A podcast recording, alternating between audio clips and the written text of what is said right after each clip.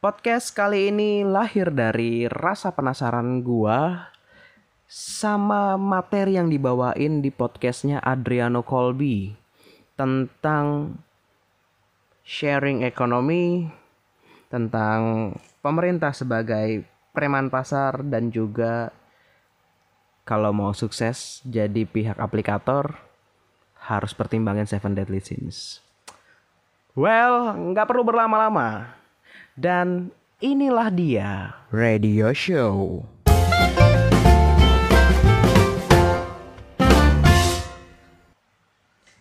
Yes, selamat datang di Radio Show.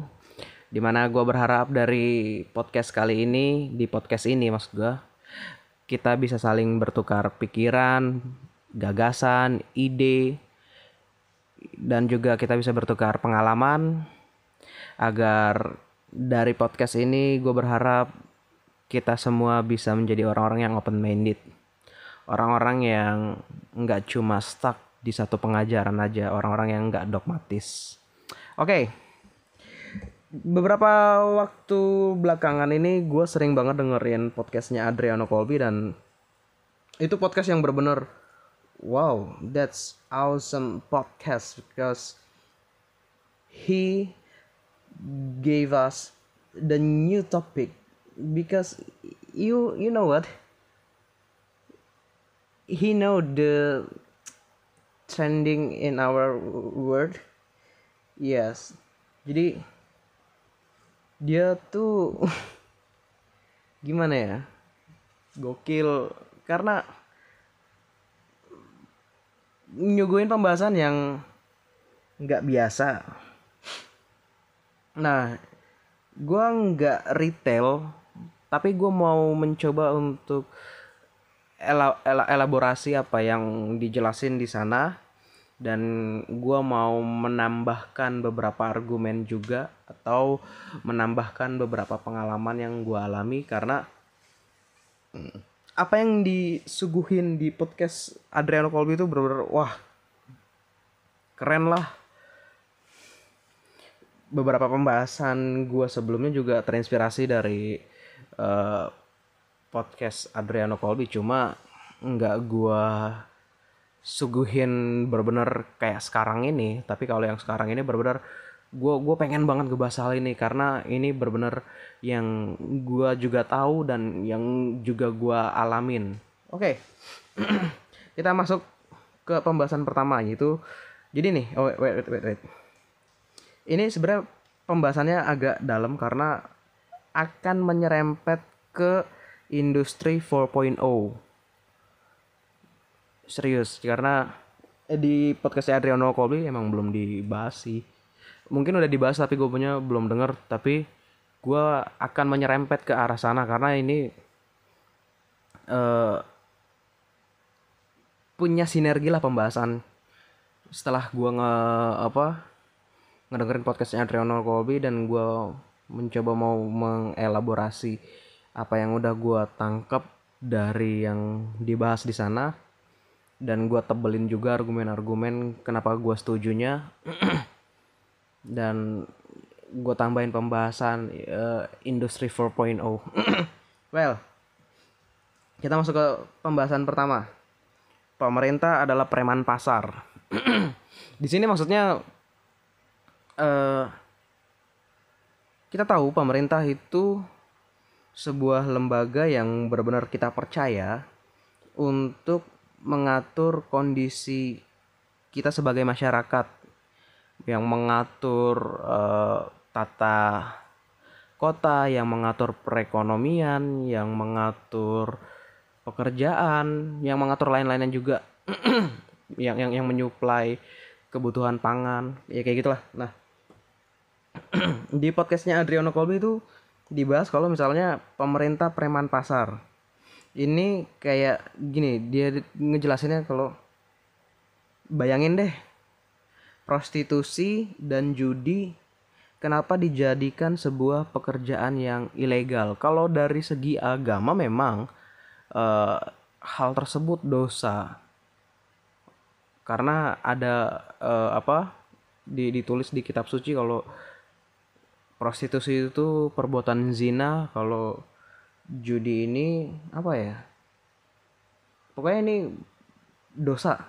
Nah pertanyaannya adalah kalau hal itu di agama dosa kenapa di pemerintahan masih tetap jalan? Ya. Apakah pemerintah kita tidak taat dengan aturan agama nggak gue nggak akan ngebahas tentang agamanya tapi lebih ke arah uh, yang benar-benar realitanya. Pemerintah adalah preman pasar itu karena pemerintah dapat pemasukan dari situ dari bisnis uh, prostitusi dari bisnis judi juga. Nah kalau misalnya pemerintah nggak dapat pemasukan dari situ otomatis usaha-usaha seperti itu akan dicap oleh pemerintah sebagai usaha yang ilegal yang nggak akan pernah dapat izin. Ya sekarang gini deh. Kali jodoh Doli Alexis. Tempat-tempat itu kan bertahan bertahun-tahun bertahannya lama loh itu kalau bertahun-tahun. Kecuali berapa bulan. Ini bertahun-tahun. Bahkan melahirkan generasi-generasi di daerah tersebut. Yang notabene tempat prostitusi di Kalijodo. Kalau sekarang Kalijodo udah ditutup. Doli udah ditutup. Tapi yang kita harus pikirkan adalah kenapa tempat tersebut sempat bertahan berapa tahun sebagai tempat prostitusi. Apakah pemerintah tidak melihat? Kalau misalnya pemerintah nggak melihat hal itu sebagai tempat prostitusi, mari kita bayangkan Rusia sebagai negara terbesar di dunia, Rusia, China sebagai negara terbesar di dunia deh. Itu negara yang terbesar itu oke okay lah kita anggap pemerintahnya nggak bisa ngelihat karena ngurusin sebegitu banyaknya. Lah ini Indonesia udah gitu Jakarta Kalijodo Surabaya Doli. Seputaran itu loh. Masa iya sih pemerintah nggak ngelihat? Masa sih? Pemerintah nggak tahu. Masa sih nggak ada RT RW atau lurah camatnya yang nggak tahu kalau itu adalah tempat prostitusi. Yang yang yang ngejabat di daerah sana gitu. Gak mungkin dong. Pemerintah nggak tahu dan kenapa bisa bertahan sampai bertahun-tahun? Apakah pemerintah orang-orang yang ngebangkang dari agama sampai ngebiarin hal tersebut gue nggak ngecap eh, oke okay, maaf maaf maaf. Lagi-lagi nyerempet ke agama sorry sorry. Gue nggak mau kayak gitu. Nggak nggak nggak. Ini ini pembahasannya benar-benar kita realistis sekali. Kita uh, mengesampingkan dulu deh pandangan dari agama seperti apa karena uh, ini agak uh, gimana ya? Agak dalam kalau pembahasannya ke agama. Gue sebagai orang yang nggak begitu punya pemahaman yang dalam tentang agama gue menghindari hal ini. Sorry sorry. Nah. Kita masuk ke pembahasan yang lebih dalam lagi. Yang yang yang ini nih pembahasannya. Kenapa pemerintah bisa sampai ngebiarin tempat tersebut sebagai tempat lokalisasi yang bertahan bertahun-tahun? Pastikan pemerintah ngerasain benefit dari lokasi tersebut. Kayak pemasukan. Masa sih? Nggak kayak gitu. Ya sekarang gini deh. Kenapa pemerintah ngelakuin razia di beberapa hotel yang razia pasangan-pasangan nggak punya akta nikah? Tapi di tempat terbuka kayak gitu loh yang gede banget itu loh. Doli Kalijodo Alexis. Tempat yang gede kayak gitu tempat prostitusi kayak gitu. Pemerintah nggak mau ngela- ng- ngelakuin razia tiap malam gitu tiap hari rutin. Apa pemerintah capek? Tapi kenapa ada beberapa kali pemerintah ngelakuin razia kayak di kos-kosan yang ngegerebek beberapa pasangan tak tak tak yang tanpa pasangan tanpa akte nikah maksud gue gitu.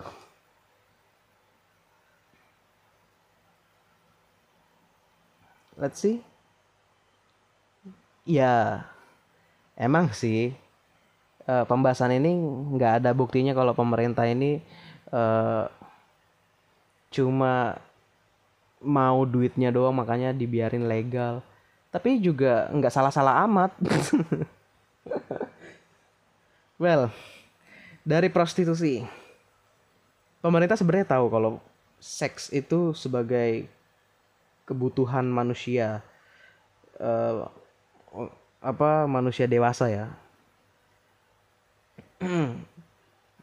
Pemerintah nggak menapik hal itu. Jadi ya ketika adanya tempat lokalisasi ya wajar mereka memberikan izin. Karena setelah mereka pelajari lebih lanjut mereka dapat berapa persen dari hasil di sana? Ya silakan. Begitupun dengan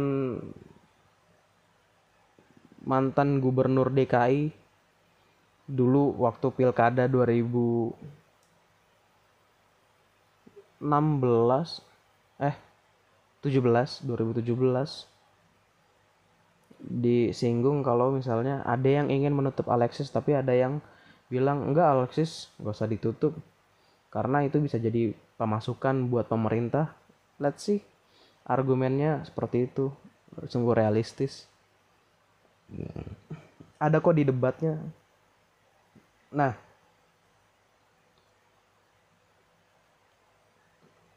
seks itu sebagai kebutuhan karena gini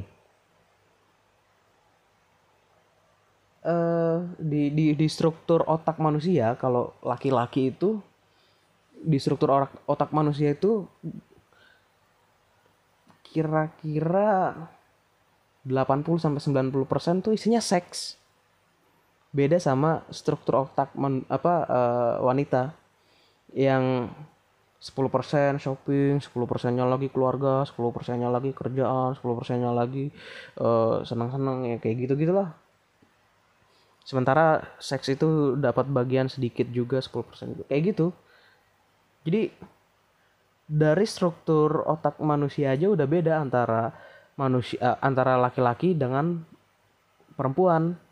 Perempuan yang begitu banyaknya makanya kenapa perempuan ini lebih nyantai ketika ngelakuin multitasking ketimbang pria ya karena emang struktur otaknya beda sama struktur otak laki-laki. Perempuan tuh seneng ngelakuin banyak hal kayak lagi masak sambil teleponan sambil ngomong anak. Itu kan ada tiga hal yang dilakuin. Terus juga uh, belum lagi mikirin nanti mau buang sampah jam berapa kayak gitu gitulah itu kan suatu hal yang sulit dilakukan oleh pria bahkan pria ketika diajak nonton bioskop pasti pengennya cuma nonton doang. Kalau cewek nonton bioskop pas lagi di pertengahan nonton kadang suka penasaran gitu. Eh kok ini begini ya adegannya? Eh nanti gimana si tokoh ini? Suka ngajak ngomong gitu suka ngajak diskusi. Sementara cowok tuh aduh kalau ada yang kayak gitu tuh langsung pikirannya buyar nggak fokus. Ya karena cowok fokus di satu pekerjaan nggak bisa multitasking kayak cewek. Dan juga struktur otak cowok itu ya kalau nggak salah 80 sampai 90 persen isinya cuma seks. Selebihnya ya pekerjaan keluarga ya kayak gitu gitu nah kalau ini ada buktinya yang mengenai struktur otak itu makanya kenapa uh, seks itu sebagai kebutuhan? Ya karena struktur otak di laki-laki ya seperti itu. Karena kan yang mem gimana gue bilangnya? Penyerang. Penyerang. Seakan-akan cewek kayak nggak bisa nyerang aja dalam berhubungan. Ya intinya adalah dalam berhubungan itu cowok ngelihat aja udah bisa terangsang sementara cewek itu harus disentuh dibuat nyaman. Pokoknya lama sekali baru bisa ngerasain rangsangan. Oke ini ini pembahasannya eh, terlalu dewasa sekali. Tapi iya kayak gitu. Oh, that's why sex is our need. Dari uh, bentukan alamnya ya seperti ini dan ini ada buktinya. Kalau mau tahu baca aja. Uh, karyanya Alan and Barbara Peace yang judulnya Why Women Can't Stop Talking. Eh eh gimana gimana ya? Gue lupa. Uh, kalau nggak salah terakhir judul terakhirnya itu Women Can Read Maps.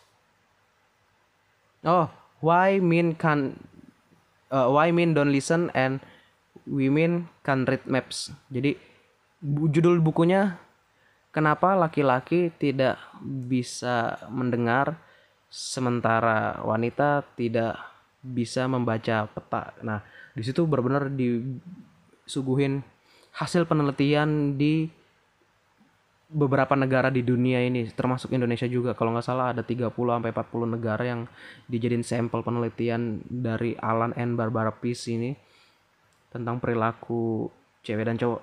Oke, itu cuma tambahan aja. Uh, terus dari prostitusi ini kan bayar pajak, akhirnya legal dan dilindungi oleh pemerintah karena gini, gue sempat apa uh, dosen filsafat gua di kampus itu sempat ngasih tahu waktu itu lagi penutupan doli. Doli lagi ditutup. Nah dosen filsafat gua ngejelasin kayak gini. Sebenarnya kita butuh tempat prostitusi seperti itu supaya uh, uh, bukan supaya tapi lebih ke arah gini. Filosofinya kayak gini. Di dalam rumah harus ada kamar mandi di mana di tempat itulah kita ngebuang kotoran kita di toilet. Karena kalau misalnya rumah nggak ada toilet, nggak ada kamar mandinya, otomatis kita kalau misalnya lagi kebelet, ya kira kita ngebuangnya di mana aja, di ruang mana aja, ngasal aja dan Dolly, Alexis, Kalijodo emang ditutup emang diganti fungsinya menjadi kalau kali jodoh jadi uh, apa taman bermain taman skateboard. Kalau Alexis sama Dolly gue belum tahu. Tapi bagaimana dengan eh, kupu-kupu malam yang ada di sana? Anjay kupu-kupu malam. Gue ngeri loh kalau gue bilangnya pelacur. Gimana nasib mereka Apakah mereka berhenti melacur? Oh tidak. Mereka tetap ngelakuin pekerjaan mereka tapi di beda tem di beda tempat. Ya toh? Nah, itulah yang dimaksud sama dosen filsafat gua. Uh, kalau misalnya di dalam rumah nggak ada toilet, otomatis itu kotoran ke mana-mana. Ya akhirnya ya pelacur-pelacur ini yang ada di Doli, yang ada di Kalijodo tetap ngelakuin pekerjaan mereka. Tapi di beda tempat.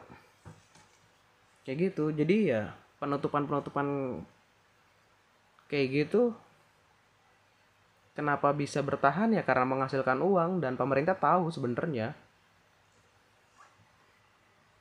karena di dalam sebuah ruangan itu sebuah rumah dibutuhkan toilet dibutuhkan tempat pembuangan uh, yang kotor-kotor kayak gitu. Ya itu filosofi aja sih gambaran analogi. Nah terus juga judi.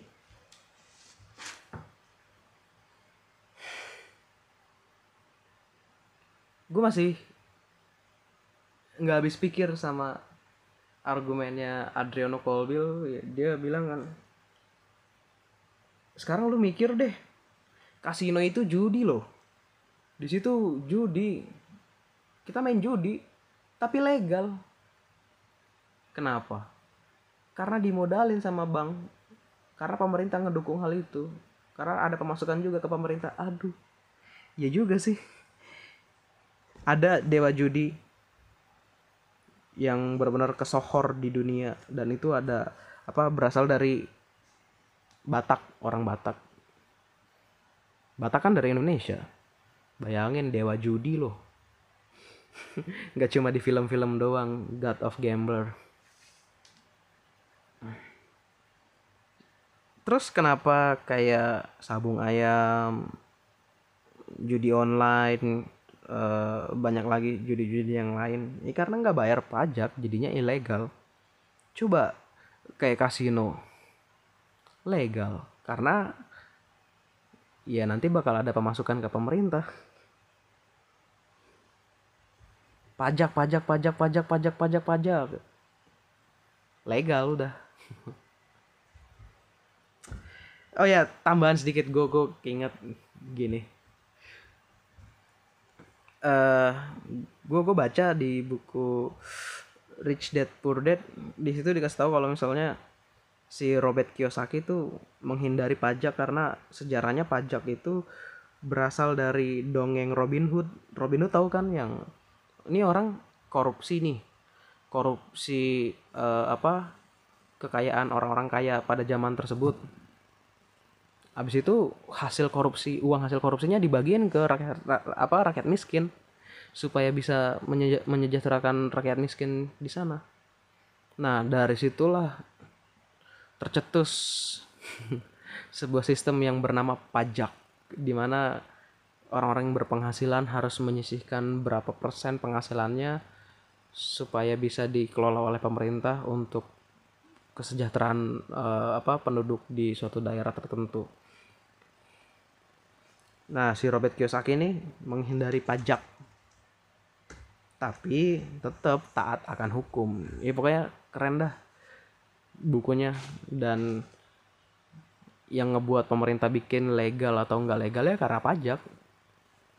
Gue ngebaca ini apa Netflix akan diblokir sama pemerintah nggak cuma Netflix doang ada ini apa aplikasi ojek online juga namanya Anterin, Cyberjack, Jack. Mereka perusahaan-perusahaan itu akan diblokir sama pemerintah karena belum dapat izin dari pemerintah. Tahu kan? Di balik kata izin supaya mendapatkan legalitas menjalankan usaha mereka itu sebenarnya terdapat kata uang jatah ke pemerintah iya dong kalau dibilang pajak hmm, hmm, kayaknya nggak juga karena emang tai nih ya Adriano Colby dia bilang kan kalau misalnya ini ini ada perusahaan transportasi nih dia ngasih kucuran dana, iuran, apalah itu namanya ya kan ke pemerintah. Akhirnya perusahaan inilah yang sering banget dipromosin sama pemerintah. pemerintah. Perusahaan inilah yang benar-benar uh, jadi penguasa pasar transportasi di Indonesia sebelum adanya taksi online ya, sebelum adanya ojek online.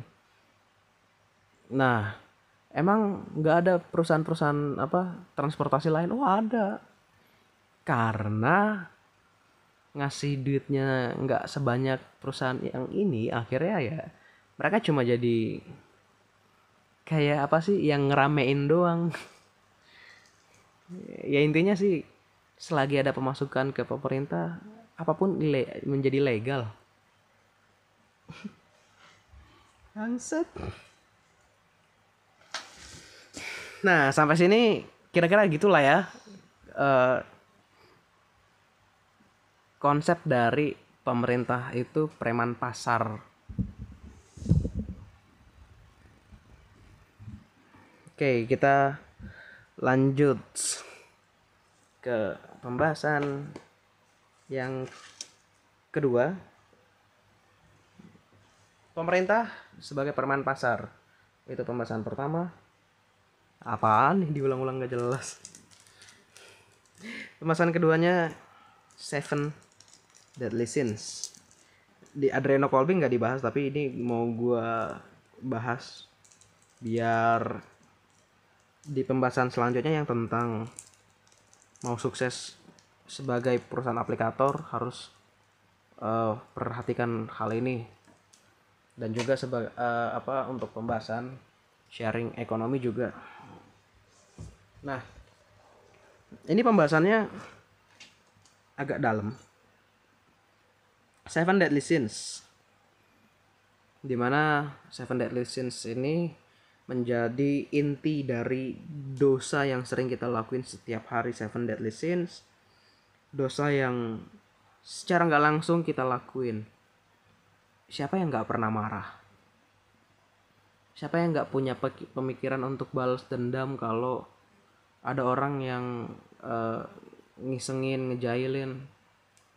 Siapa yang nggak pernah iri ngelihat kesuksesan orang lain atau siapa yang nggak pernah iri ngelihat ada temen yang seneng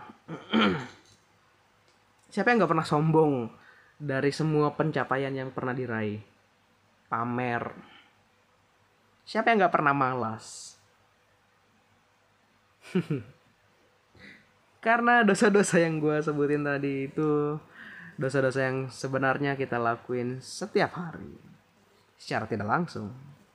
Dan bersyukurlah kalau memang kita sudah bisa uh, terlepas dari dosa-dosa itu karena uh, ini dosa kenapa Seven Deadly Sins karena ini dosa yang benar-benar memikat diri manusia dan susah untuk dilepaskan kalau manusianya itu nggak benar-benar usaha sekeras mungkin.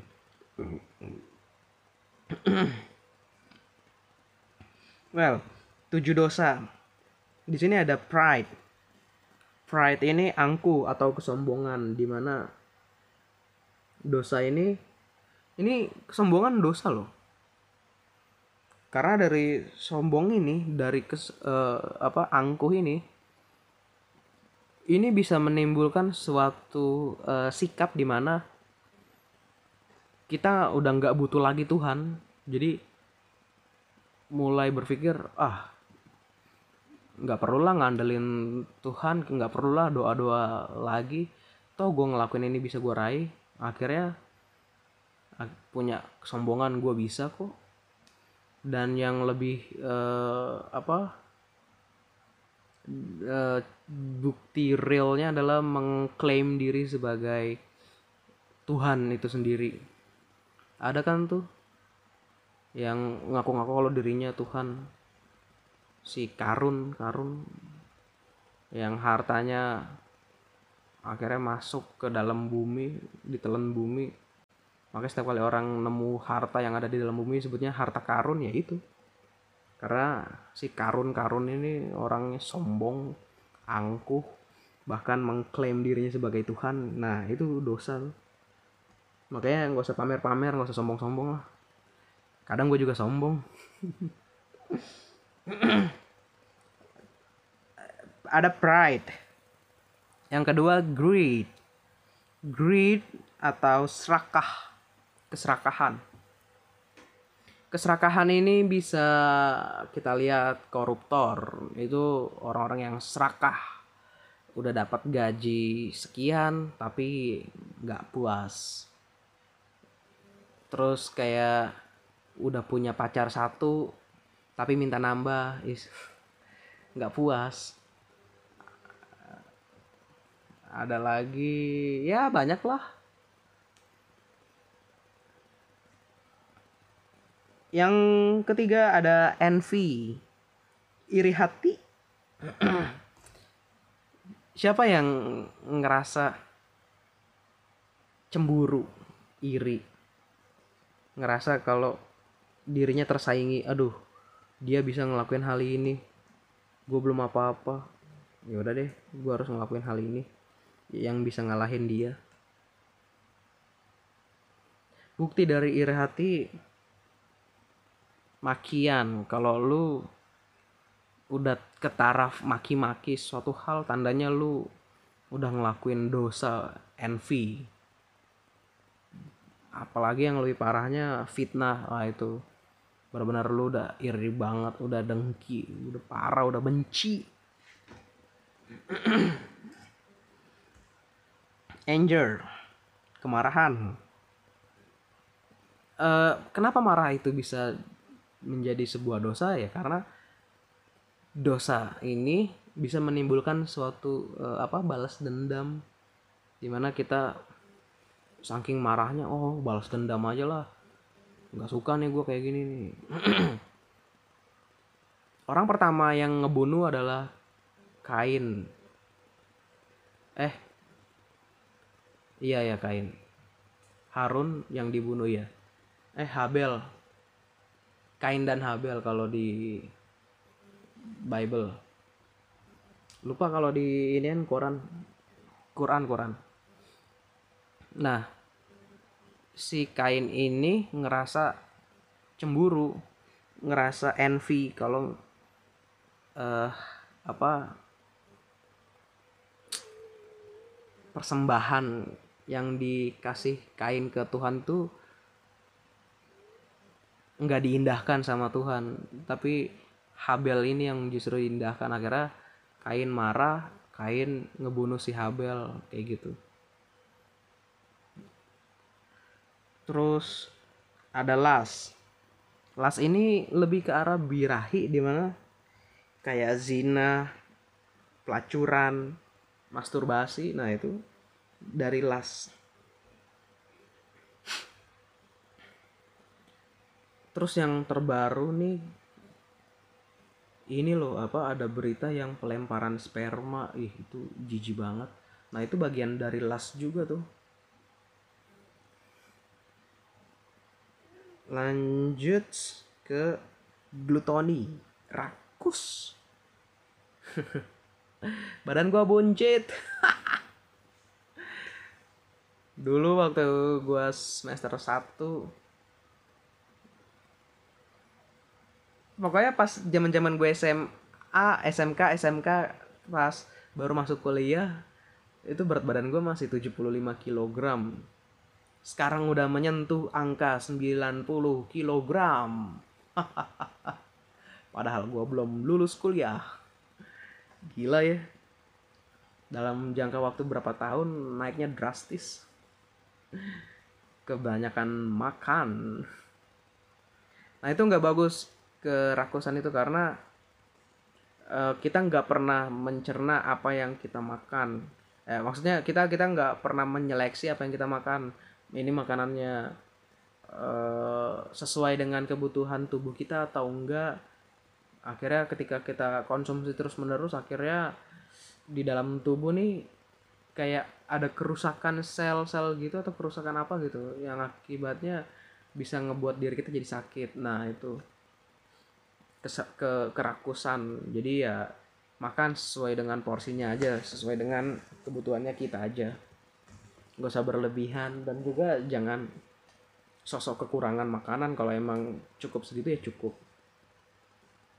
Gak usah diet diet juga lah. Intinya harus tahu kita ini butuh makan.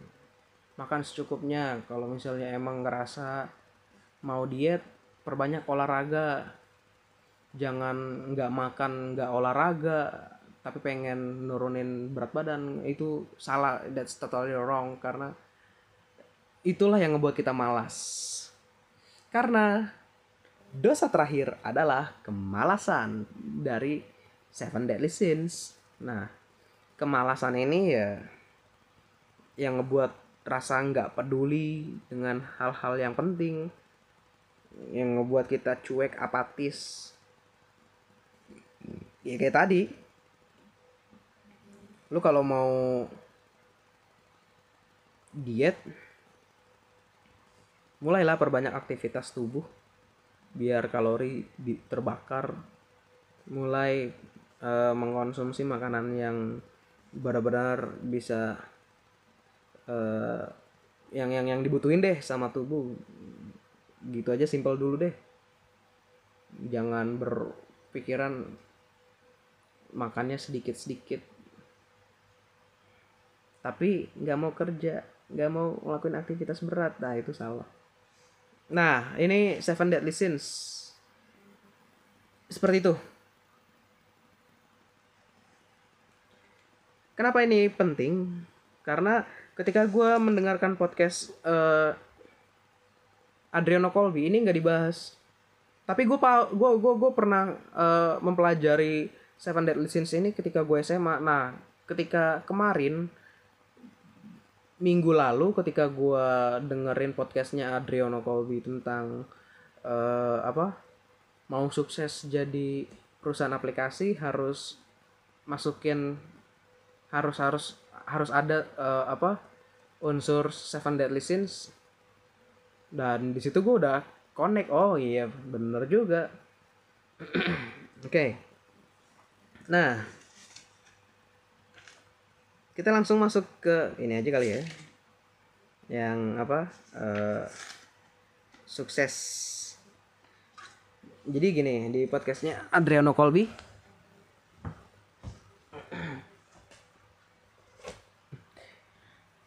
Sekarang zaman udah berubah dan kalau lu mau sukses jadi perusahaan aplikasi lu harus uh, mengandung aplikasi lu harus mengandung unsur seven deadly sins di mana uh, hal itu yang benar-benar manusia banget lah.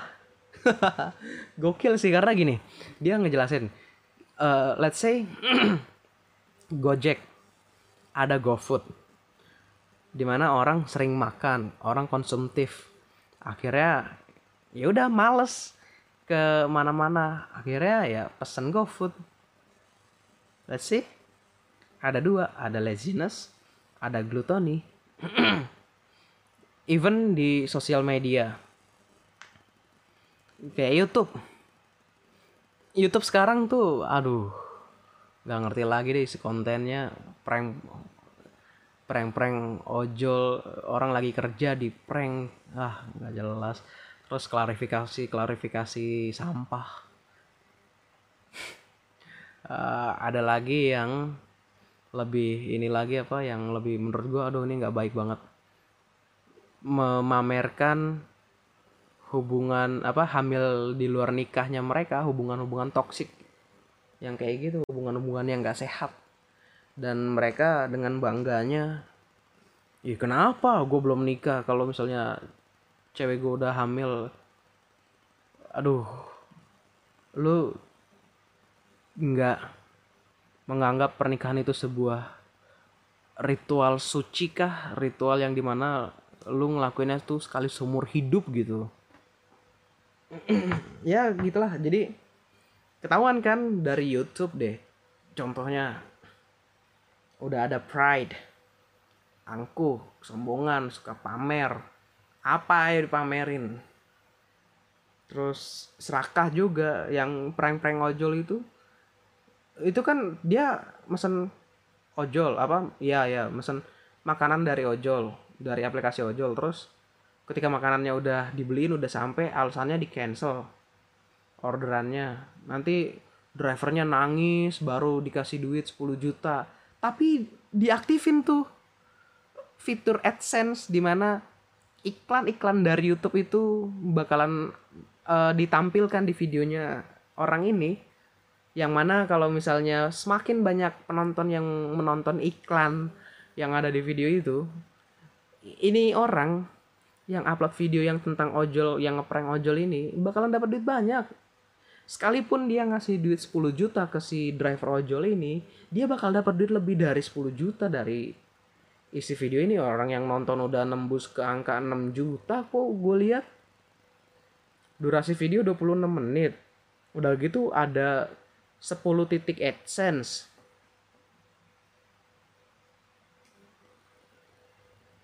Sekalipun gue nggak ada buktinya kalau dia ngedapetin duit 10 juta dari satu video itu, tapi ya nggak salah amat sih gue ngomong kayak gini. Bangsat gue ketularan Adriano Colby ngomongannya. Pai lu bang.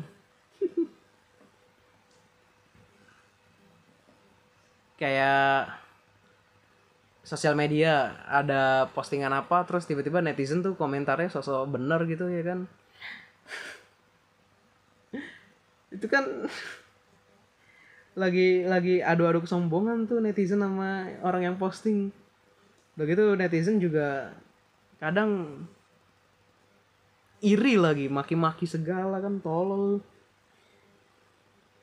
Wah simbanya ini begini ya simbanya pelakor pelakor kok bangga. Gokil. Nah kenapa lu dikasih tahu uh, mau jadi pihak aplikator yang sukses harus uh, punya unsur seven deadly sins? Ya karena kita udah memasuki ranah industri 4.0 di mana uh, cara kerja kita, cara kita menghasilkan uang udah bersentuhan dengan internet. Kalau dulu belum. Cara kita memproses data sudah bersentuhan dengan internet. Nah,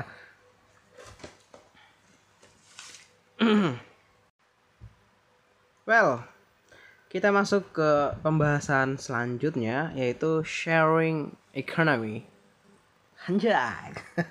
sharing economy. Yes. Sharing sharing sharing sharing sharing economy. Ini sebuah paham di mana prinsipnya untuk menjalankan suatu suatu usaha kita untuk menjalankan suatu usaha suatu kegiatan kita nggak perlu membelinya sebagai uh, kepemilikan pribadi. Kita cukup menyewanya aja sesuai dengan kebutuhan kita. Ya itu uh, prinsip dari sharing ekonomi di mana uh, hal ini yang diperjual apa yang disewain ya bukan perjual yang disewakan ini adalah sesuatu hal yang memiliki nilai ekonomi di mana kita bisa berbagi. Misalnya kayak gini uh, lu punya mobil nih ya kan lu nggak per uh, maksudnya teman lu punya mobil nah lu mau ke Ancol nih lu nggak perlu tuh beli mobil cuma buat ke Ancol. Lu cukup nyewa mobil teman lu aja. Karena kan dengan lu membeli mobil otomatis kan mobil itu mempunyai nilai ekonomi. Ada nilai yang harus lu bayar. Tapi beli mobil tuh 200 sampai berapa M gitu. Nah daripada lu ngeluarin hal itu sebegitu banyaknya lu bisa nyewa itu 200 juta ya 200 juta sampai miliaran untuk beli mobil satu mobil doang. Nah lu kalau mau ke Ancol nggak perlu lagi tuh beli mobil yang seharga kayak gitu.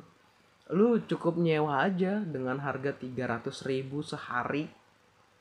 Lu yang bawa ya kan bayangin. Lu cukup ngeluarin uh, apa duit 300 ribu aja sehari ketimbang lu harus ngeluarin uang ratusan juta sampai miliaran untuk uh, apa pergi ke Ancol. Itu prinsip dari sharing economy. Nah uh, sharing ekonomi di Indonesia bahkan di dunia prakteknya itu udah mulai digital.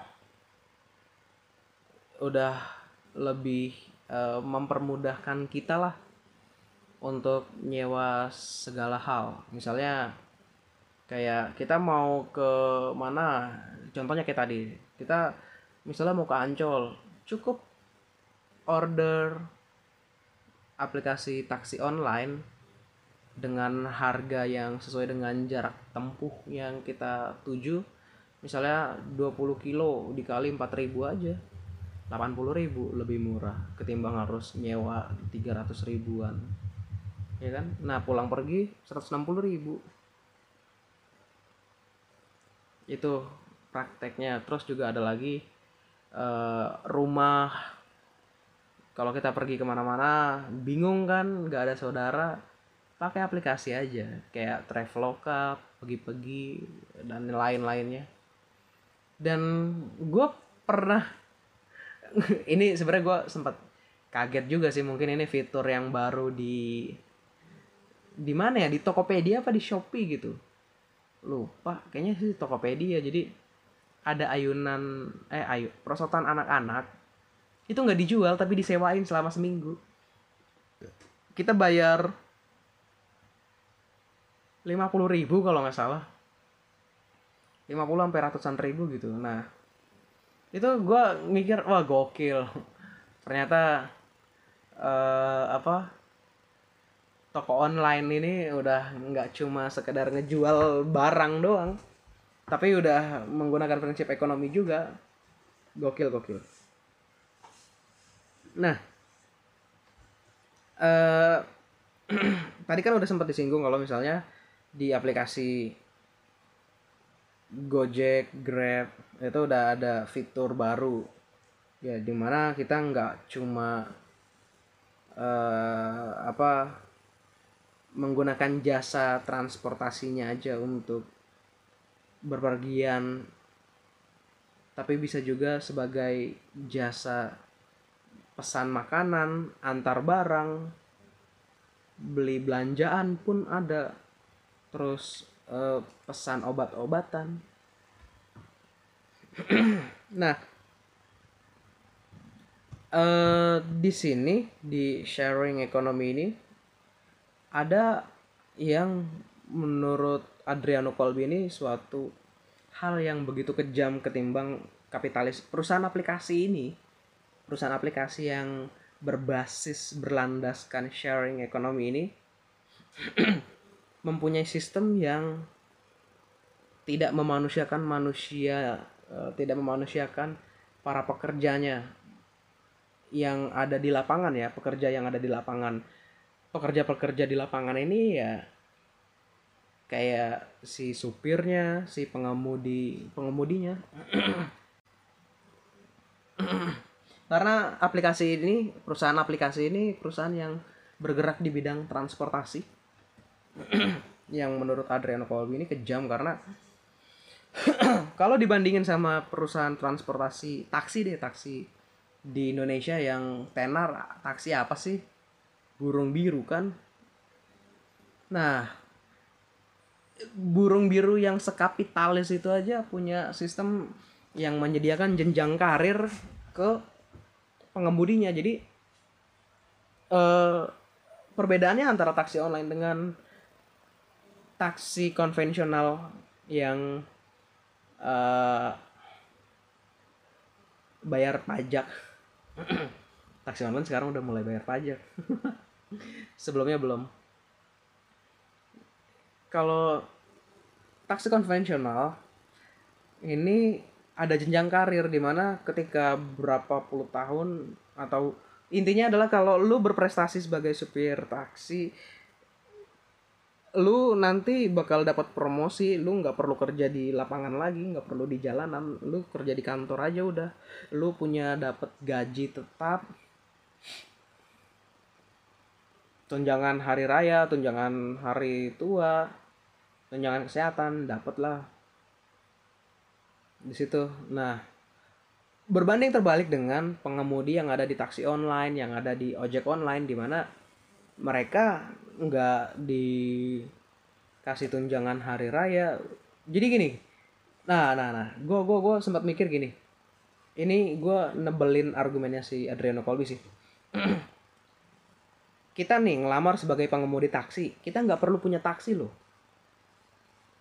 kita nggak perlu ditanyain mana SNK mobil kamu nggak kita ngelamar kalau emang kita bisa mengemudi ya berapa hari kemudian kita udah langsung dikasih kunci mobil.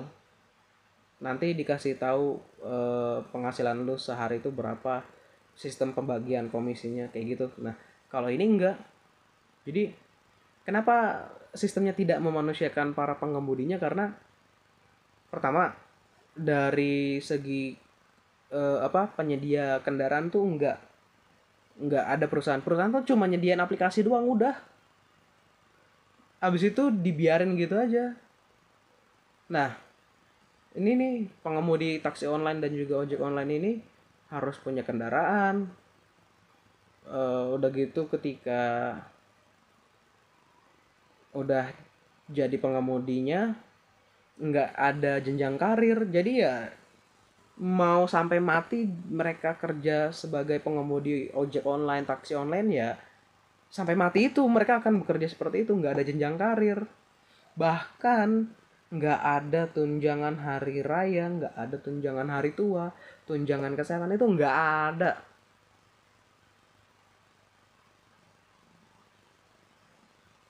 Yang disediain sama perusahaan ojek online itu asuransi.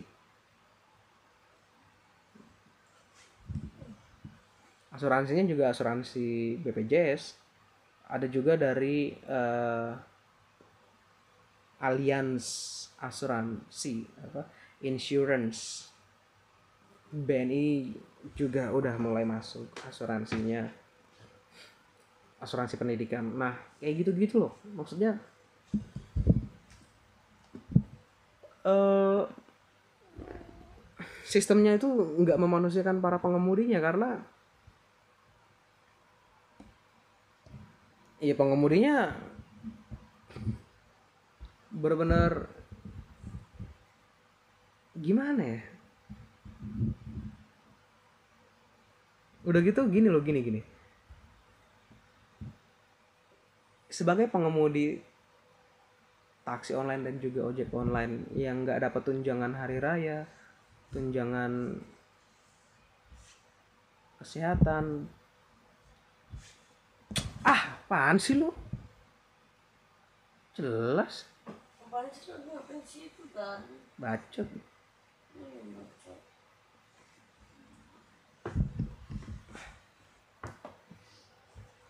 Iya, yang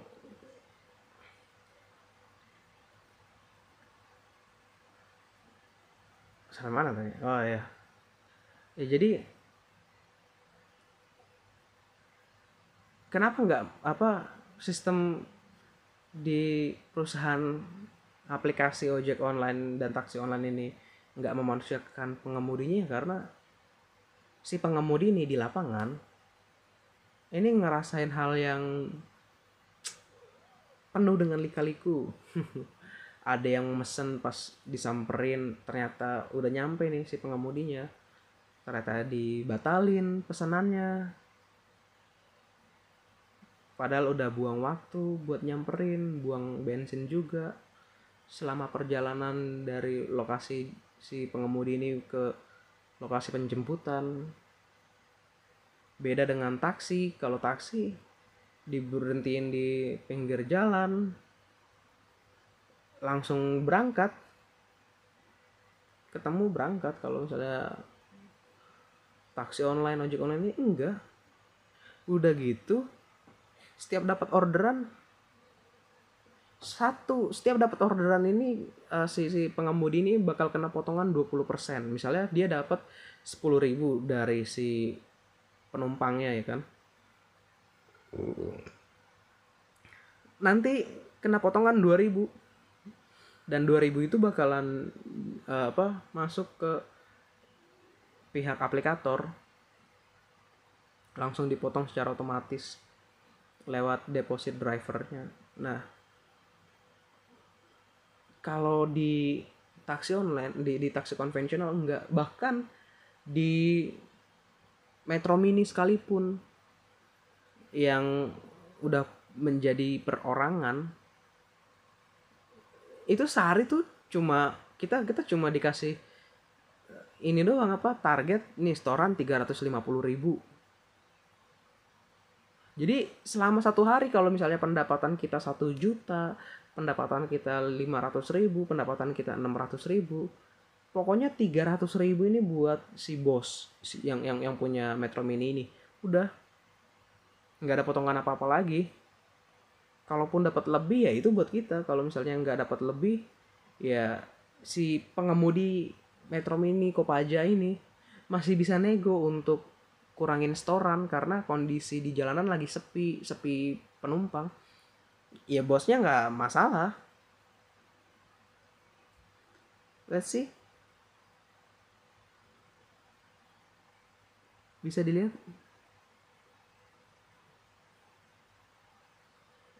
Tidak memanusiakan manusia ya karena gitu. Perusahaannya semakin kaya pengemudinya ya tetap jadi pengemudi mau sampai mati pun tetap jadi pengemudi nggak ada jenjang karir nggak ada uh, tunjangan hari raya. Bahkan uh, di hari raya kayak lebaran gitu dikasih bonus 300 ribu. Itu kita harus kerja juga. Di hari lebaran itu harus ngumpulin berapa poin biar bisa dapat 300 ribu. Sih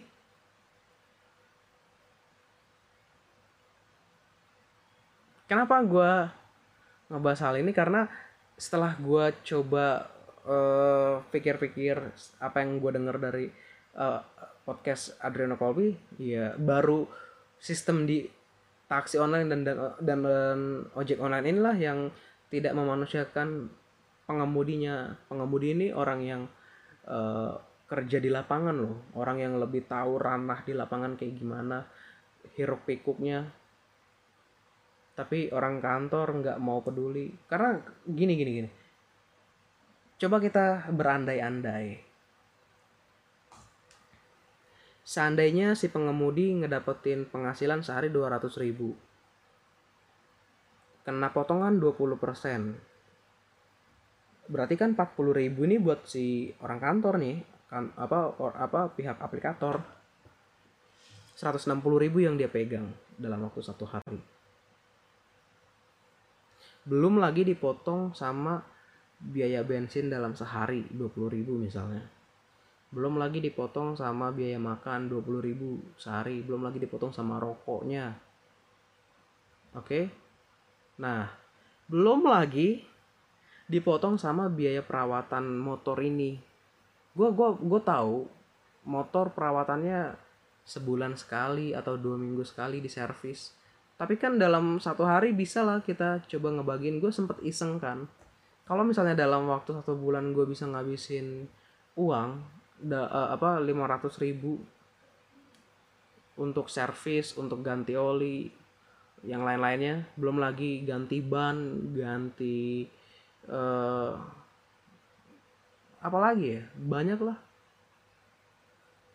Hal-hal tak terduga misalnya kayak plat uh, plat pecah plat patah terus bagian body pecah karena kan kita ada di jalan nggak nggak sengaja atau sengaja jatuh. Hmm.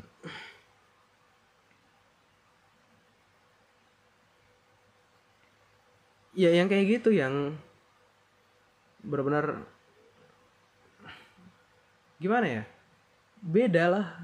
Karena kalau misalnya kita kerja gue gue punya pengalaman kerja sebagai uh, connect metro mini di mana yang tadi gue bilang kalau misalnya dalam satu hari kita disuruh ngasih setoran 300 ribu. Itulah kenapa banyak uh, pengemudi metro mini yang galau-galan karena kalau misalnya udah dapat setoran ya mereka tenang. Mereka tinggal mikirin penghasilan mereka doang kan. Nah mereka nggak ada lagi tuh mikirin uh, biaya perawatan mobil. Enggak enggak mereka nggak mikirin hal itu lagi. Mereka cuma disuruh dikasih target ini setoran 300 bensin lu isiin udah itu doang pengeluarannya. Makan makan deh selalu mau makan apa. Intinya uh, selain dari biaya pengeluaran itu itu dijadikan uh, penghasilan sehari-hari si supir dan kenek metro mini ini kalau misalnya ada kerusakan mobil ya itu tanggung jawabnya si bos. Bos yang harus ngeluarin duit untuk uh, apa sih? Uh, ngeluarin duit untuk biaya perawatan. Nah beda lagi kalau ojek online. Ojek online ya si pengemudinya ini sendiri yang harus uh, apa? Ngeluarin duit untuk biaya perawatan kendaraannya sendiri begitu si ojek online ini setiap kali dapat orderan setiap dapat orderan orderan ya itu kena potongan loh. 20% bayangin kalau misalnya satu orang gak apa dapat penghasilan 200 ribu. Dalam sehari berarti potongan 200 ribu apa 20% dari 200 ribu itu 40 ribu. Satu orang satu pengemudi ini dari satu pengemudi orang kantor ini pihak aplikator dapat duit 40 ribu. Sementara pengemudi di Jakarta aja di Jakarta ya sekali beroperasi ada tuh se- seribu orang. Ya penduduk Jakarta 10 juta. Masa sih nggak ada seribu orang yang jadi driver ojek online? 10 juta satu persennya aja. 100 ribu dari 10 juta. Masa nggak ada seribu? Bayangin kalau misalnya satu orang 400 apa 40 ribu. Berarti kan 40 ribu ada 1000 pengemudi yang kerja dapat penghasilan 200 ribu. Berarti 40 juta dikantongi sama perusahaan. Sih gue tahu eh, perusahaan juga ngasih sistem bonus ke pengemudi. Gue paham karena gue juga ngerasain sebagai pengemudi ojek online. Eh bonusnya 180.000 ribu sehari. Itu pakai sistem poin ya kalau misalnya dapat poin bukan berdasarkan ini apa eh, seberapa banyak penghasilan kita tapi seberapa banyak poin yang kita dapat yang bisa menyentuh angka 30 poin. Kalau 30 poin kita bisa dapat bonus 180.000 ribu. Gini gini gini. Kita kan kena potong. Ini kan 200 ribu duit kita nih. Kita kena potong nih.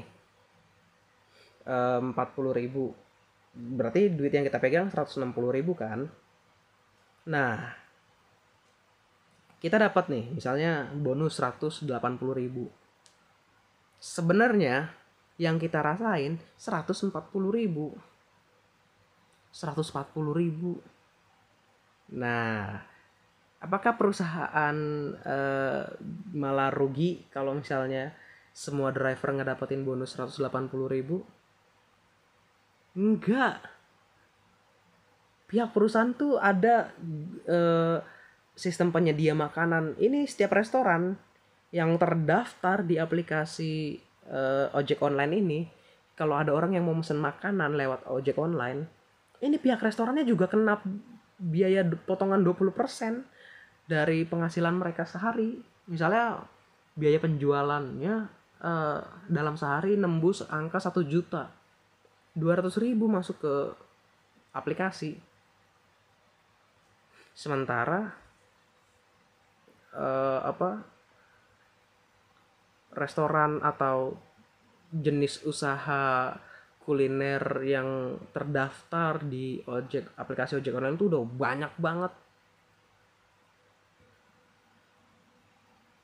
Bayangin kalau bahkan perusahaan-perusahaan luar negeri pun yang eksis di Indonesia udah terdaftar juga kayak KFC, McDonald, Burger King, apalagi banyak eh, apa Starbucks.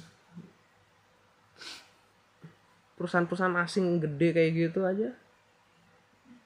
Udah terdaftar di aplikasi ojek online ini untuk penyedia makanan.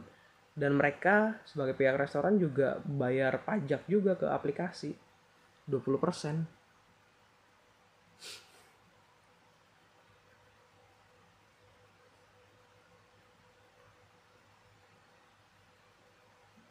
bayangin kalau misalnya satu gak usah. Gak usah satu deh.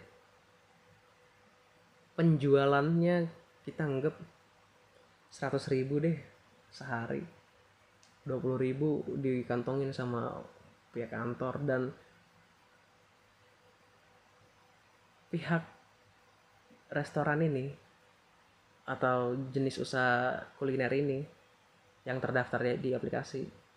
Sekalipun kena potongan 20% mereka nggak dapat bonus apa-apa loh.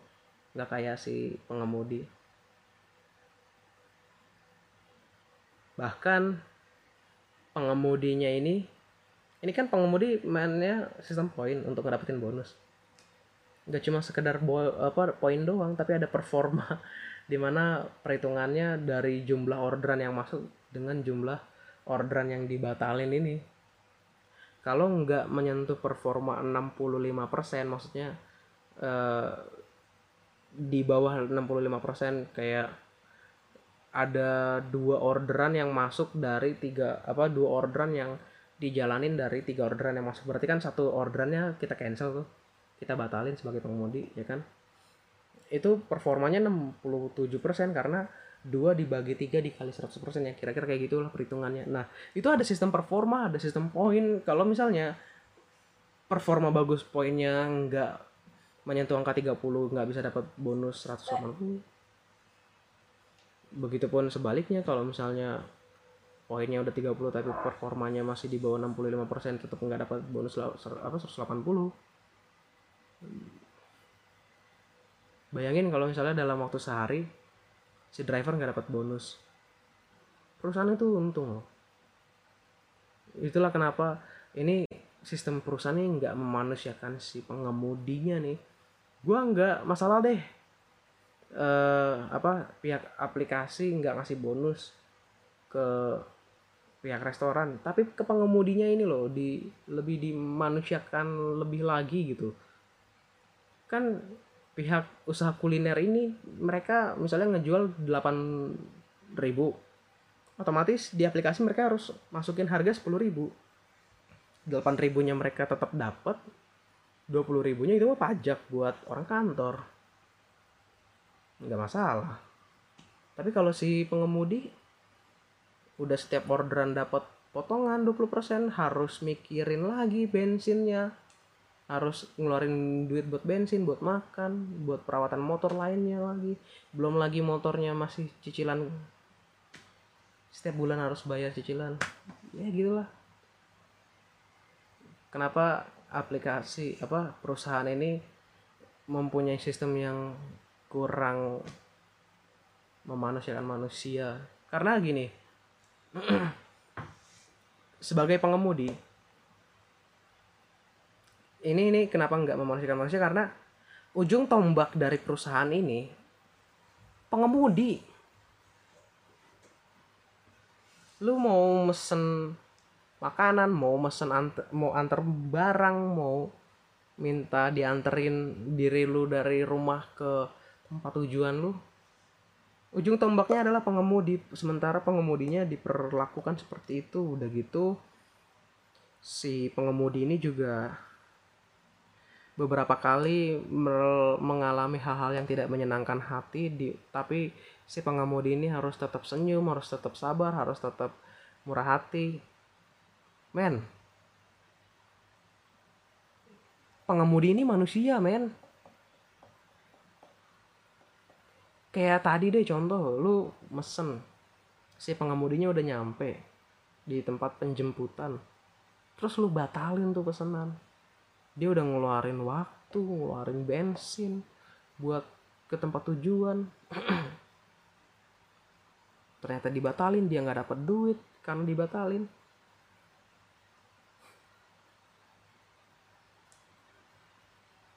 Tapi dia tetap harus tahan emosinya dia. Itu kalau di apa aplikasi itu ojek online. Drivernya nih ngelakuin tindakan yang nggak menyenangkan.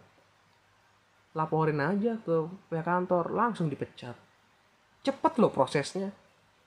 Nggak usah lu laporin ke pihak kantor supaya ini driver dipecat. Kelar nih orderan lu kasih bintang satu lu kasih komen yang jelek. Misalnya nih drivernya mau memperkosa saya drivernya mau gini gini langsung dipecat itu driver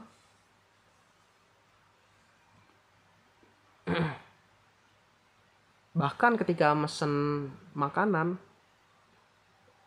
restoran tuh rame ngantri panjang. Drivernya mau nunggu loh. Padahal duit yang diterima sama dia buat ngejalanin orderan itu nggak seberapa nggak nyampe 100 ribu yang dia dapat cuma buat nungguin buat ngejalanin. Paling berapa sih? 20 ribu ada yang 40 ribu juga karena jaraknya jauh kalau jaraknya deket 8 ribu. Tapi mau gitu ngeluarin apa ngeluangin si pengemudi ini ngeluangin waktu nunggu sampai satu jam.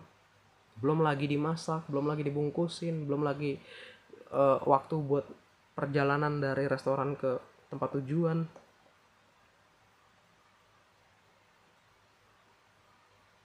Ini sistem nggak memanusiakan si pengemudi padahal si pengemudi ini ujung tombak dari aplikasi ojek online dan taksi online ini.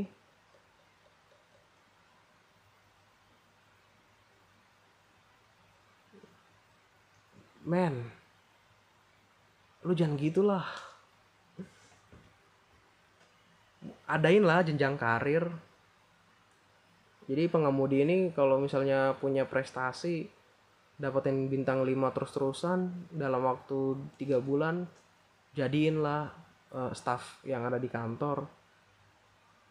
Jadi front office-nya ke jadi bagian programmernya ke di bagian IT-nya ke IT centernya gimana ke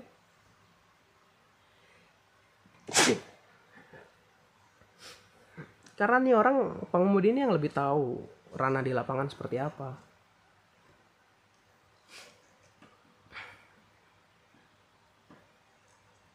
Sharing ekonomi. Tapi ada perusahaan yang berbasis sharing ekonomi ini yang sistemnya nggak memanusiakan banget lah. Harusnya diperbarui. Dan ini akan menjadi celah bagi kompetitor lain. Sistem kayak gini nih, kalau kompetitor lain jeli, akhirnya mereka bersaing, ini bisa dilibas. Kalau nggak mau ada perubahan dari pihak aplikasi, pihak aplikator ojek online, ya ujung tombaknya pengemudi kok. Gokil ya. Udahlah. Pembahasan sharing ekonomi, gue mau lanjut ke pembahasan ini nih. Seru. Jadi uh, pembahasannya revolusi industri 4.0.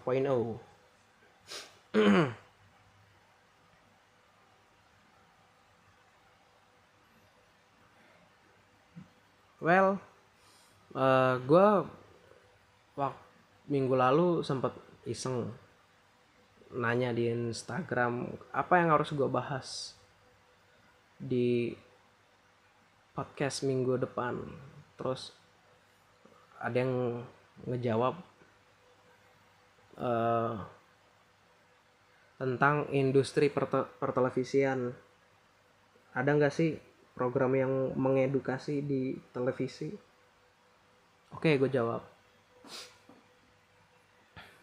Kemarin gue ngasih clue di Instagram uh, program ini ngejar sharing dan rating nggak? Nah maksud gue gini. Program di TV sebenarnya banyak yang mengedukasi. Cuma gimana sih?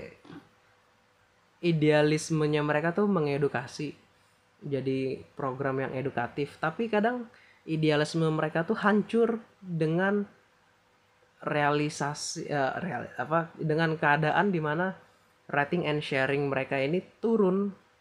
Jadi ketika mereka ngedapetin rating and sharingnya bagus ada ada lembaga yang uh, apa fungsinya tugasnya adalah untuk menganalisa rating and sharing setiap program dan mereka memberikan hasil tersebut ke pihak stasiun televisi. Nah, rating and sharing ini kalau udah turun, otomatis kan program mereka tandanya mulai mengalami penurunan pasar di mana penurunan pasar ini ya penurunan rating and sharing ini akan ngebuat iklan-iklan yang ada di TV ini lebih milih program yang lain gitu. Otomatis pemasukan ke TV ya berkurang kalau misalnya mereka nggak menyuguhkan program TV yang rating and sharingnya nggak tinggi. Perihal edukasi edukatif atau enggaknya ya fokusnya ke rating and sharing karena Deddy Kobuzer bilang kan gue nggak peduli rating and sharing hitam putih itu turun atau naik gue nggak peduli hal itu. Yang gue gua gua pedulin adalah gue di sini sebagai presenternya dan gue mau apa, acara ini program ini tetap bisa mengedukasi tetap bisa menginspirasi orang yang menonton. Udah fokusnya dari Kobusur kayak gitu doang dan eh, program yang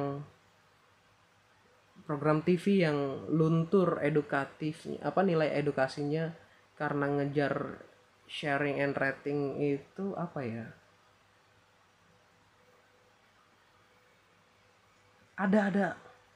Ini tuh programnya bagus tapi makin ke sini makin turun. Karma program karma? Enggak. Si Roy Kiyoshi.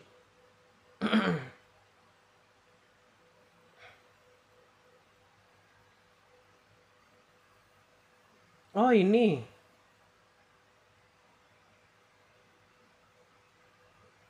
Gue nggak tahu. Ini eh bisa jadi contoh atau enggak tapi intinya adalah mereka ini udah berubah haluan on the spot. On the spot ini dulu acara musik.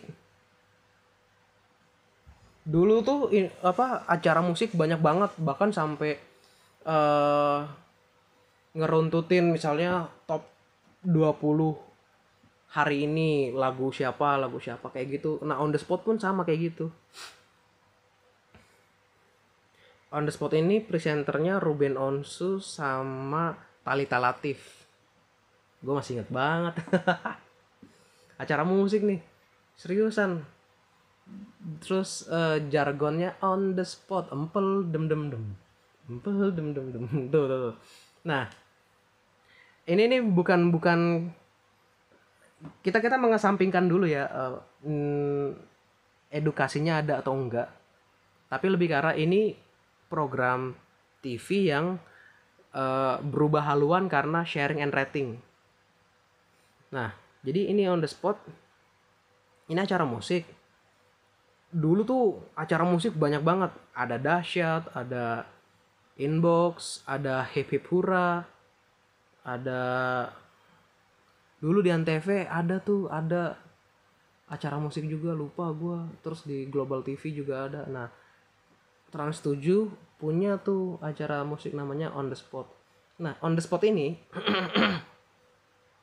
karena enggak bisa nggak dapetin rating and sharing yang baik seperti dahsyat inbox dan kawan-kawan lainnya ini tuh acara sharing ratingnya rendah.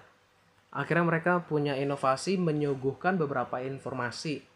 Kayak inilah dia tujuh fakta tentang negara Indonesia inilah dia tujuh negara yang paling menarik wisatawan. Inilah dia. Tujuh binatang kayak gitulah. Itu tuh cuma selingan doang sebenarnya. Buat naikin rating and sharing. Tapi kenapa eh, sekarang ini on the spot itu berubah haluan menjadi program TV yang menyuguhkan eh, informasi ketimbang musik ya karena rating and sharingnya itu naik ketika acara ini berubah haluan. Gitu. Ya gitulah. Itu contoh dari on the spot. Sebenarnya banyak sih beberapa acara TV yang pasti ada edukasinya tapi mulai berubah ketika mengejar rating and sharing gua gua nggak begitu banyak tahu tentang pertelevisian tapi yang gua tahu kayak gitu karena gue juga jarang nonton TV Oke, nah di Instagram itu ada juga yang nanya tentang eh bahas ini dong apa artificial intelligence.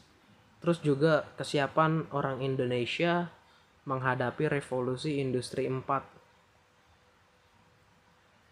Bangsat. Dalam banget pertanyaannya anjing.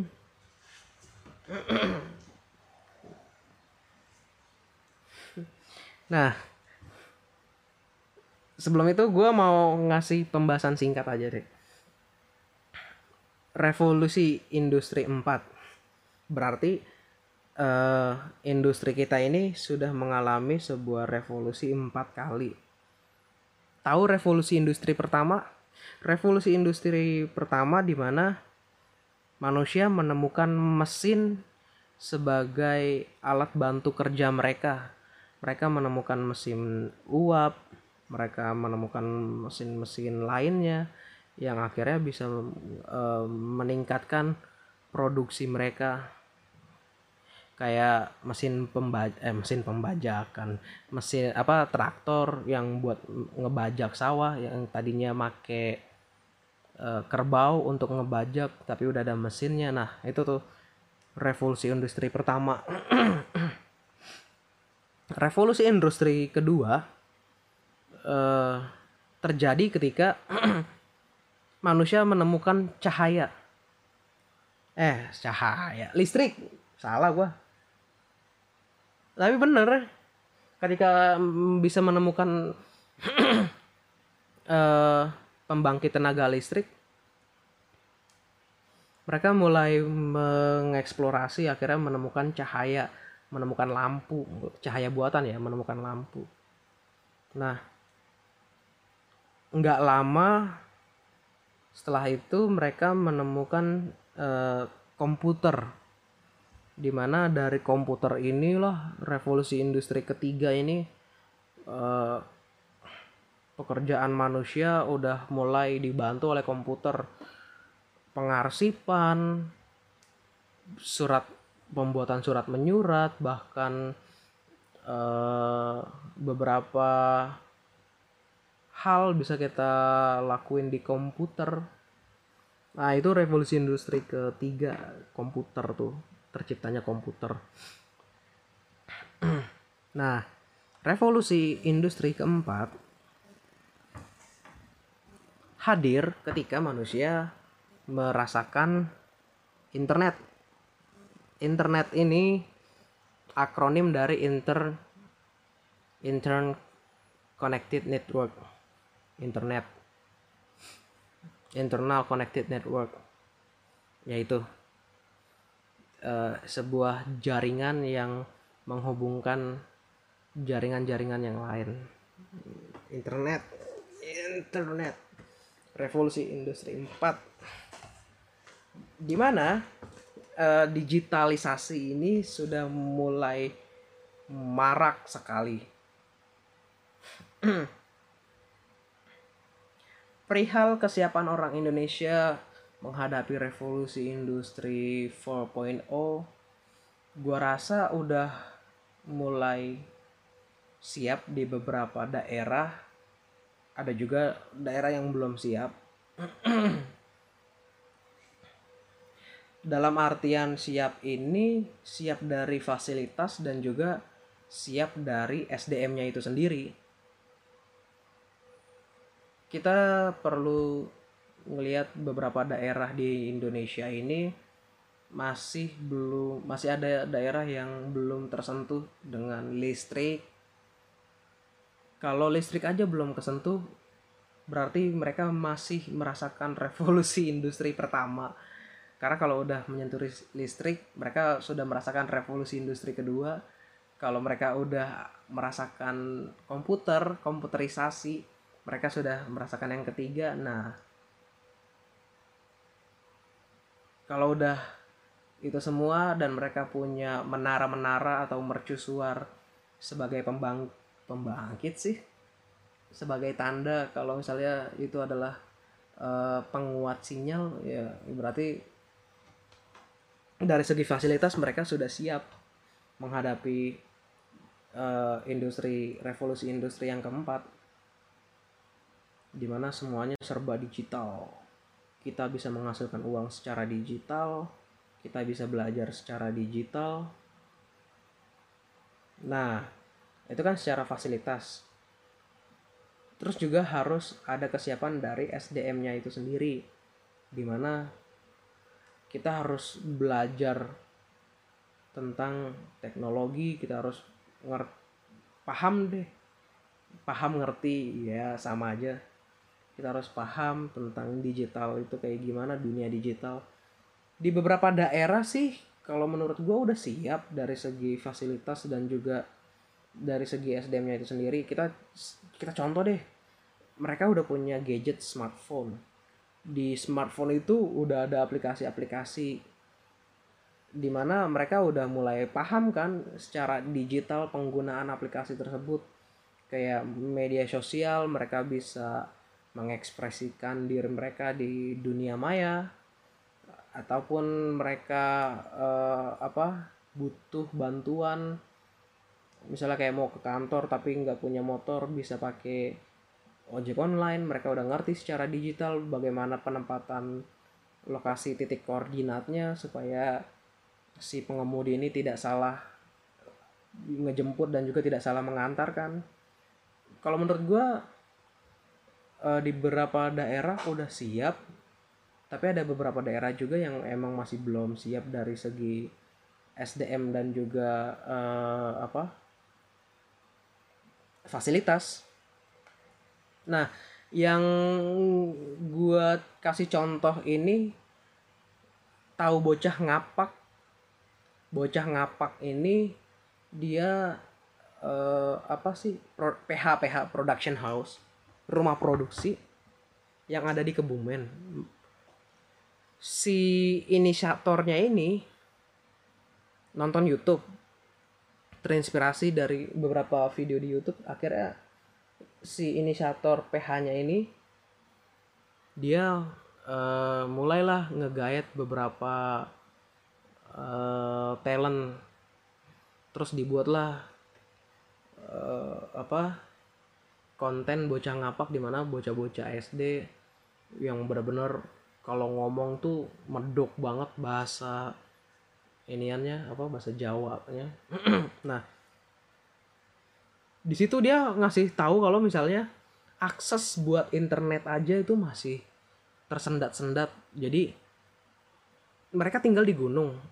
Mereka belum dapat akses yang cepat untuk internet. Jadi mereka syuting ya syuting tapi kalau misalnya mau upload mereka harus turun gunung. Mereka harus upload di bawah di bawah gunung. Nanti ketika itu mereka balik lagi ke rumah. Jadi eh, yang kenal mereka ya orang-orang Jakarta. Di sana belum belum begitu terkenal. Akhirnya sekarang udah terkenal karena sudah masuk ke program TV di Trans 7 nah itu contoh uh, dari SDM-nya udah siap tapi dari daerahnya itu sendiri yang belum siap dari segi fasilitas.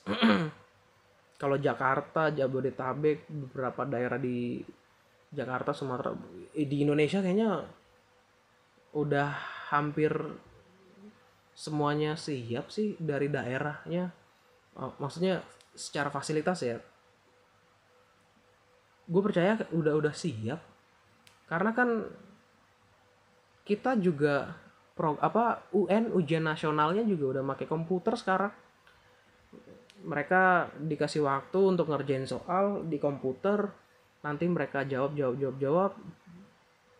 Jawaban mereka di input abis itu dikoreksi.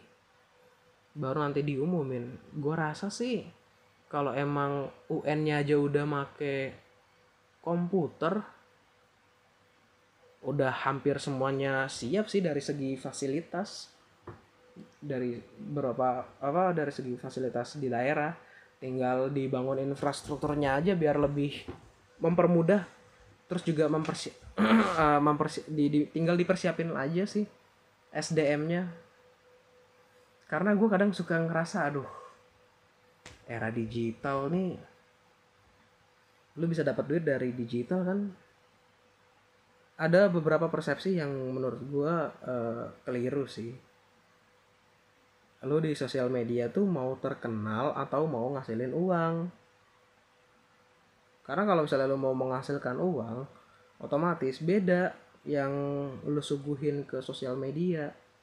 Kalau lo cuma mau sekedar ter terkenal otomatis kan lo ya tenar-tenar aja karena apa ya uh, gue sempat kesel ada satu akun di Facebook tuh PD-nya tuh udah over banget karena gimana ya? Pengen gue tampol asli. Gue gue tahu dia nggak nyari uang di Facebook itu dia cuma mau nyari ketenaran mau nyari keviralan. Jadi ya wajar kalau misalnya setiap kali dia update status tuh dia lagi menunjukkan uh, sisi buruknya dia yang over confidence. Lucu sih kagak cuma pengen tampol aja gitu. Gitu sih. Nah perihal artificial intelligence ini tuh bener-bener gokil sih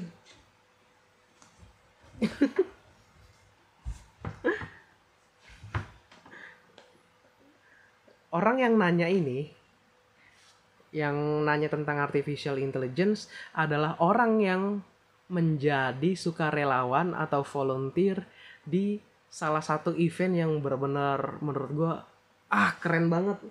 Nama eventnya Disrupto. Disrupto ini adalah event yang ngebahas tentang disruption era di mana era peralihan dari kegiatan kegiatan-kegiatan tradisional menuju ke kegiatan-kegiatan yang digital.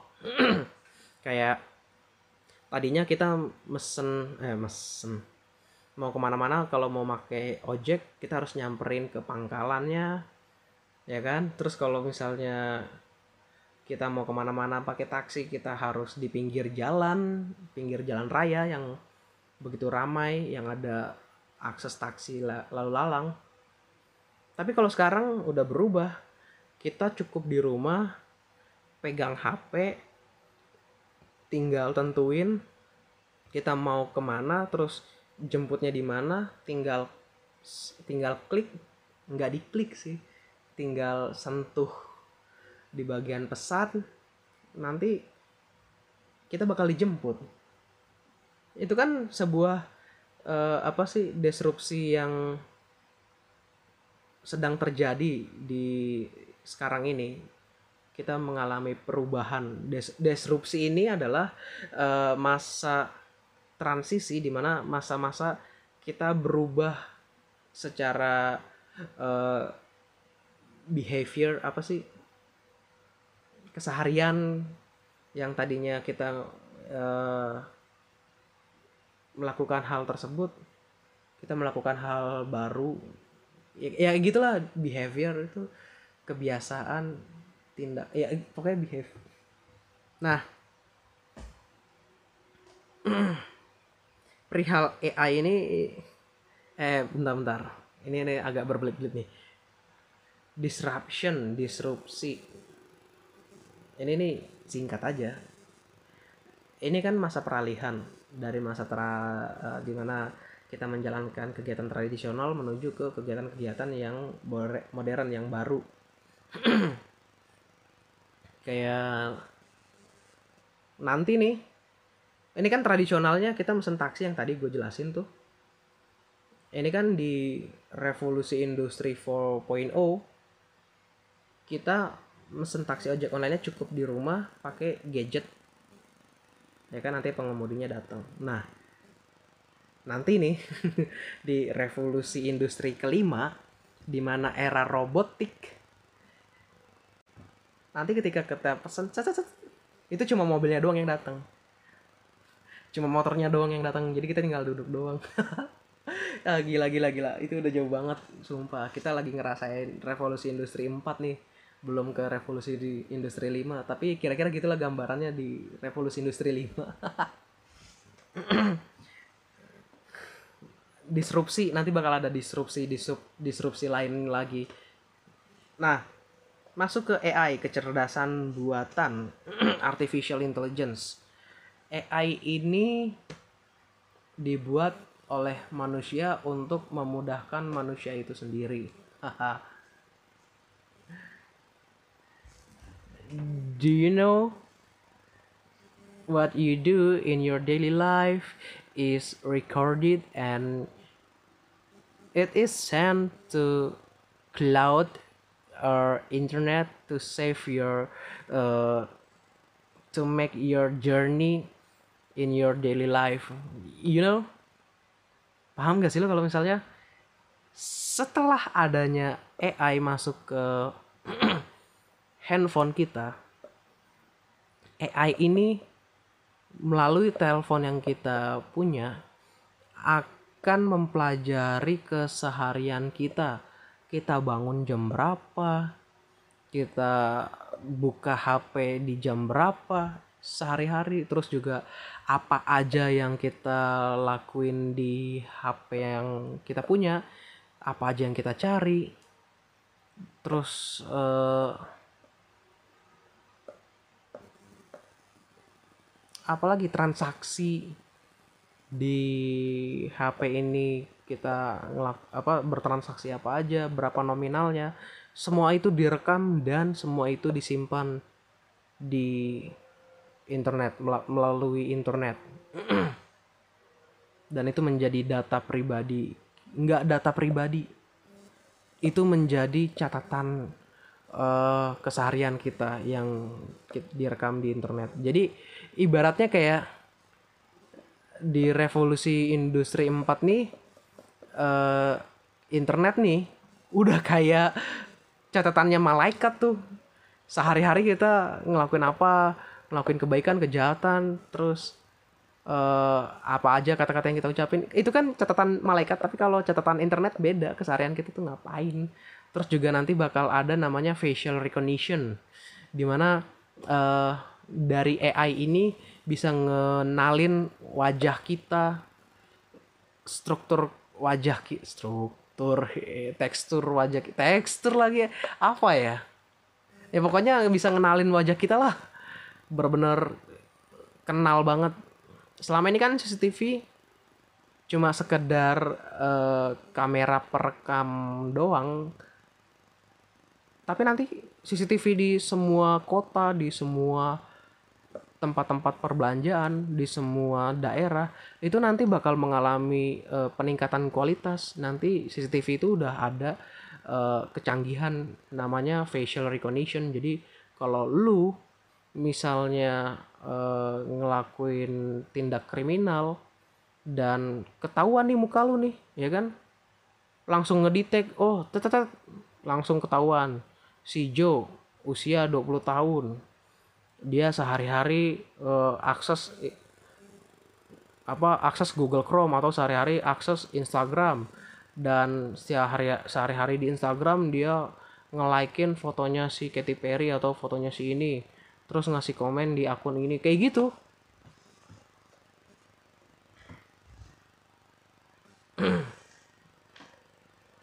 Itu AI jadi benar-benar eh, ini tuh buatan manusia yang fungsinya untuk mempermudah eh, produktivitas manusia. Jadi kalau misalnya ada maling atau ada tindak kriminal apa gitu melalui kamera kan kita bisa tahu ini orang siapa namanya tinggalnya di mana ngebantu kan? Nah terus juga handphone kita makanya harus hati-hati banget deh sama handphone eh, smartphone yang sekarang. Apalagi nanti eh, apa udah ada jaringan 5G wah itu tuh benar-benar AI udah merajalela sekali di mana itu apa ya kita tuh udah kayak dipantau sama robot. Oh kesehariannya dia tuh begitu. Ya, kayak gitu sih ini sih dari yang gua pelajarin selama ini tentang AI karena ini dalam banget. Nah di AI ini sendiri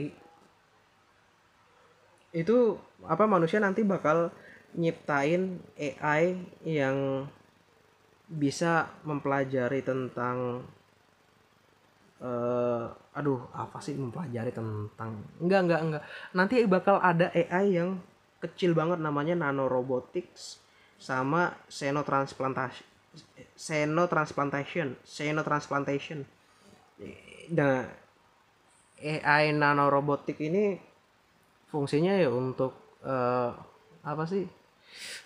Pokoknya ini AI ini udah mulai nyentuh ke bagian saraf otak manusia, bagian yang benar-benar vital banget di otak manusia, yang yang di tubuh manusia. Jadi xenotransplantation ini bisa eh, nyembuhin penyakit manusia yang di di di di saraf jadi misalnya kayak kita sakit apa nih ya kan ini ada AI nih yang yang yang cepet banget cara kerjanya karena udah mulai eh, apa sih udah punya ukuran gitu punya takaran kalau misalnya kita kekurangan kalsium oh langsung di supply eh, apa gitu kalsiumnya. Jadi benar-benar apa yang lagi dibutuhin sama tubuh nih bisa dicukupin gitulah. AI dan itu wah gokil gokil. Nah nanti bakal ada ini nih ini masa-masa transisi dari revolusi 4.0 menuju eh, industrial revolution 5.0 bakal ada manusia cy- cyborg cyborg apa sih cyborg? Ya gitu lah manusia yang menggunakan orba apa organ buatan. Organ buatannya ini organ-organ yang da, yang yang yang yang robotik. Nah, di event Disrupto yang temen gua jadi volunteernya, yang dia nanya juga tentang persiapan orang Indonesia ten- apa perihal revolusi industri 4.0 dan juga artificial intelligence. Sebenarnya dia ngerasain sendiri kalau misalnya dia tahu eh, event Disrupto itu apa terus juga eh, keadaan yang lagi dialamin sama orang-orang di dunia itu apa mengenai re- apa revolusi industri keempat? Ini sih bakal jadi em, masa disrupsi juga sih disrupsi era dari revolusi industri 4 ke revolusi industri 5 di mana eh, akan ada manusia yang eh sorry to say kekurangan secara fisik tapi bisa dilengkapi melalui organ-organ buatan yang bentuknya itu kayak robot gitu. Jadi eh, organ buatan ini benar-benar bisa terhubung ke saraf manusia gitu loh. Jadi ada gua gua agak susah juga ngejelasinnya. Jadi ketika misalnya tangan nih nih tangan tangan dua-duanya nggak punya eh, pergelangan ini tangan cuma nyampe sikut doang nih. Sisanya udah udah hilang. Nah akhirnya disambung sama tangan robotik. Tangan buatan. Tapi kalau dipakai buat salaman bisa. Tinggal gerakin atau buat genggam atau buat ketika eh, foto make ini apa dua jari yang tahu kan waktu pilkada tuh. Nomor satu nomor dua Allah nah itu udah udah udah mulai ngerti tuh. Sementara tangan kita ini kalau misalnya masih utuh bisa bergerak kayak gimana pun itu kan digerakin sama otak. Ya dong. Ya kan? Tangan ini digerakin sama otak. Mau genggam mau eh, melepas bahkan merasakan pun itu di apa ter, terhubung ke otak dan digerakin sama otak. Nah bayangin kalau misalnya ada robot tangan buatan yang disambung yang nggak terhubung sama urat-urat saraf sama bagian-bagian saraf. Tapi bisa bergerak sesuai dengan perintah dari otak kita. Ini, ini pembahasan emang agak-agak berat tapi ya gitu yang bakal dihadapi nanti. Manusia cyborg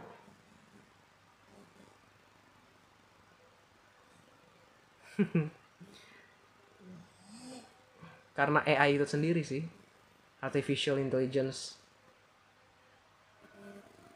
Itu buatan manusia. Nah,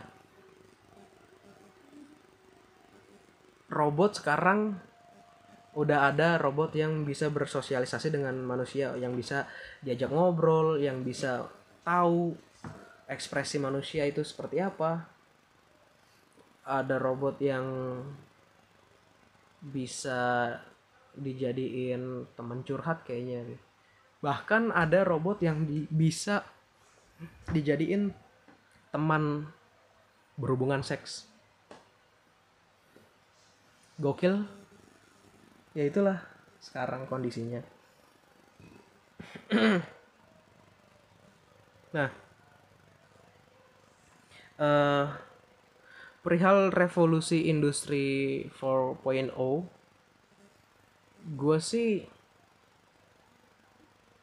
em ngelihatnya gini.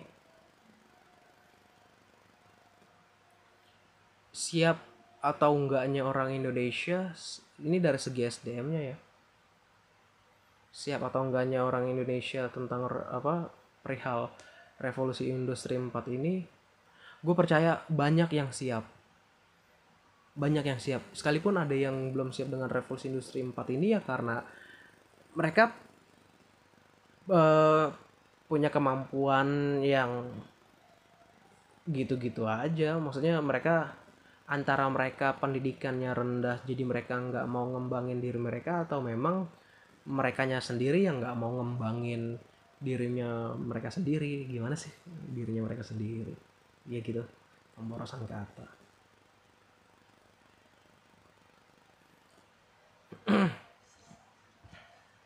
terus perihal artificial intelligence ini pembahasan yang bener-bener wah menarik banget sumpah.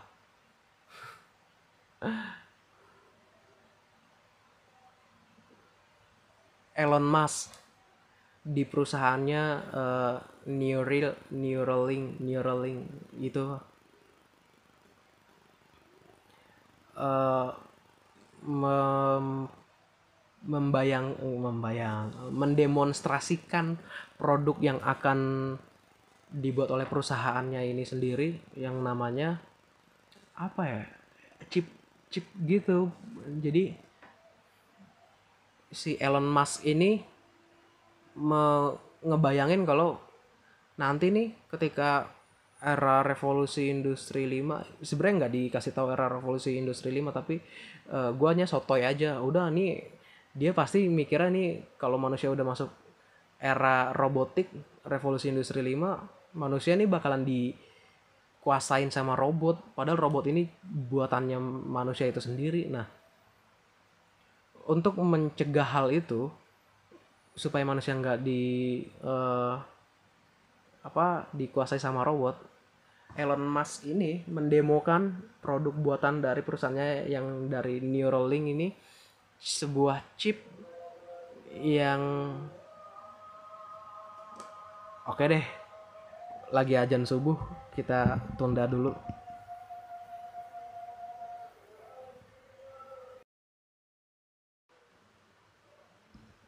Well, kita balik lagi Eh, setelah terjeda oleh ajan subuh. Kita harus menghargai dulu eh, ibadah dari teman-teman kita yang beragama Muslim. Well, next. Nah, ini yang mau gue bahas tentang Elon Musk. Jadi perihal artificial intelligence di mana Elon Musk kan udah ngebayangin tuh. Ini nih gua gua gua ngulang sedikit aja. Udah ngebayangin kalau misalnya di beberapa tahun kemudian manusia akan dikuasai oleh robot karena pekerjaan manusia yang sekarang ini yang hari ini nih beberapa pekerjaan udah digantikan oleh robot seperti pelayan restoran, eh, kasir, terus juga pokoknya pelayan-pelayan di beberapa eh, toko perbelanjaan pun sudah digantikan oleh robot. Nah, di sini kan tandanya udah mengurangi eh, pekerjaan buat manusia, ya kan? Artinya dengan adanya robot nanti, robotnya semakin cerdas, semakin jenius. Kalau manusianya tidak eh, mengupgrade, meningkatkan kualitas eh, daya pikir manusia itu sendiri untuk ngelebihi robot, tandanya manusia akan dikuasai oleh robot. Itu sih gambarannya. Nah, Elon Musk ini menciptakan sebuah chip. Ini ini chipnya kecil chip eh, untuk ningkatin kualitas otak manusia. Jadi chipnya ini kecil udah gitu tipis. Jadi chipnya ini nanti ditempel di bagian belakang telinga kita di bagian belakang di bagian yang benar-benar deket daun telinganya ini persis deket daun telinga. Dan chip ini sekali tempel itu langsung eh, cara kerjanya itu langsung nyentuh pusat saraf di kepala kita ini sampai ke otak-otak gitu. Wah gokil sih. Dan di situ kenapa dibutuhkan chip? Karena nanti dari chip inilah manusia bisa mengingat beberapa eh, kejadian, mengingat beberapa ilmu pengetahuan yang mereka punya, ya eh, bukan yang mereka punya, maksudnya yang mereka tahu, kayak gitu. Jadi benar-benar wah gila. Gimana ya gue ngeliatnya kayak manusia nih nyiptain robot malah jadi anti hero dia yang nyiptain tapi dia ngancurin sendiri robot ciptaannya dia. Pakai caranya dia sendiri. Lucu manusia itu.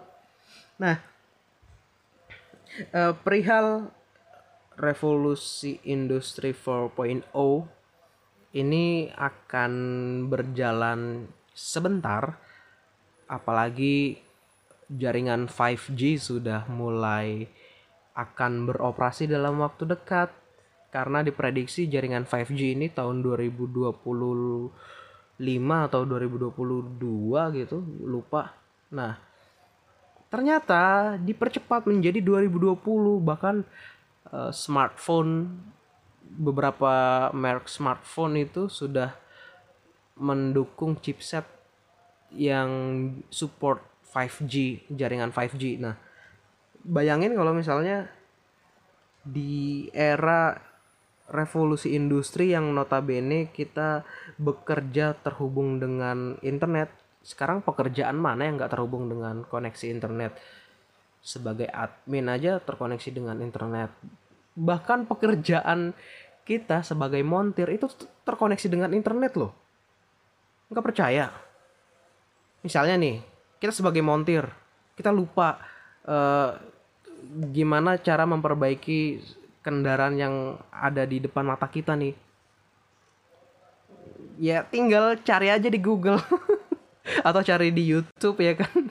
Cara reparasinya akhirnya pekerjaan kita terkoneksi dengan internet. Gitu. Itu revolusi apa tentang revolusi 4 nah ini 5G udah masuk.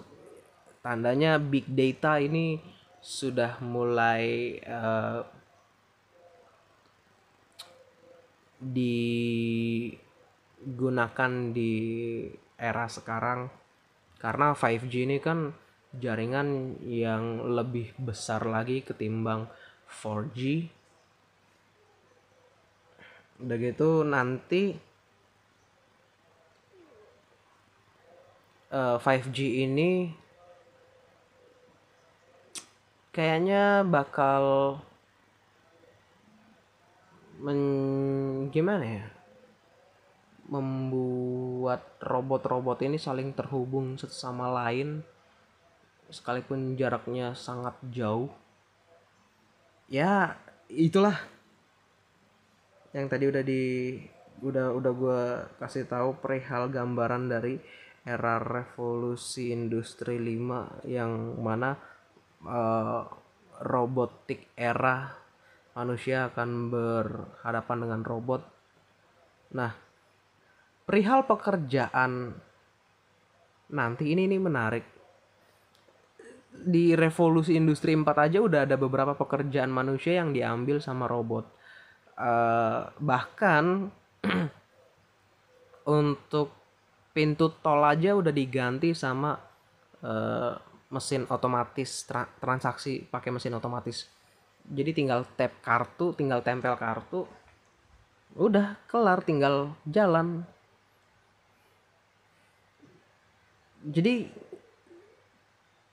pertanyaannya nan pertanyaannya jadi seperti ini. Di era revolusi industri 4 ini kan sebentar doang nih paling 10-20 tahun doang.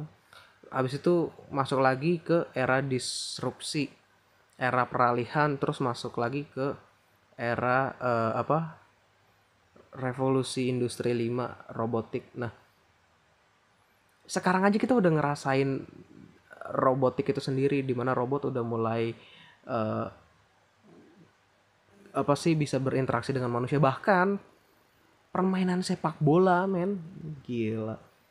Bakal diganti sama bukan diganti maksudnya robot nanti didesain untuk jadi pemain sepak bola loh. Gue nggak habis pikir kalau misalnya permainan sepak bolanya itu nanti robot yang jadi pemainnya? Mungkin peraih balon dior peraih pemain terbaik dunia udah bukan manusia lagi tapi robot Cristiano Ronaldo bahkan Pele yang menjadi top scorer sepanjang masa dengan 1300 golnya akan terkalahkan dengan pemain yang bernama siapa kek? Misalnya anggap aja eh, ada pemain namanya Parjo ya kan? Ternyata Parjo ini buatan manusia Parjo ini eh, robotik robotik player football football player. Gitulah gokil. Nah ketika gue eh, mempelajari tentang industri 4.0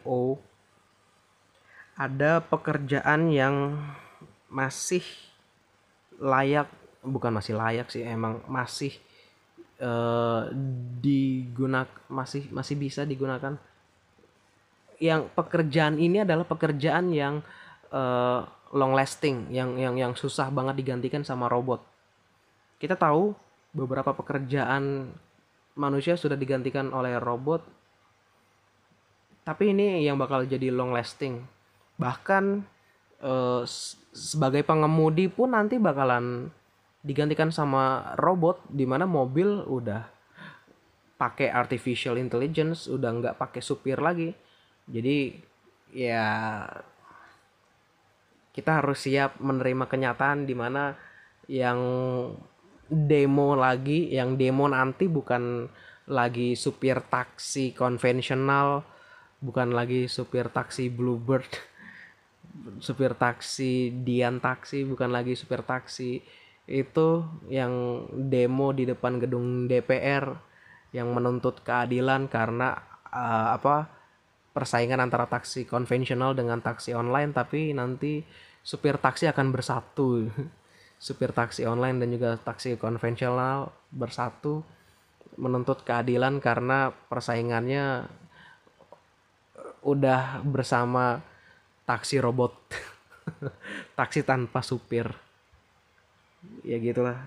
Nah di sini ada pekerjaan yang masih eh, bisa digunakan oleh manusia yang masih bisa dikerjakan oleh manusia untuk meraih penghasilan mempertahankan hidup.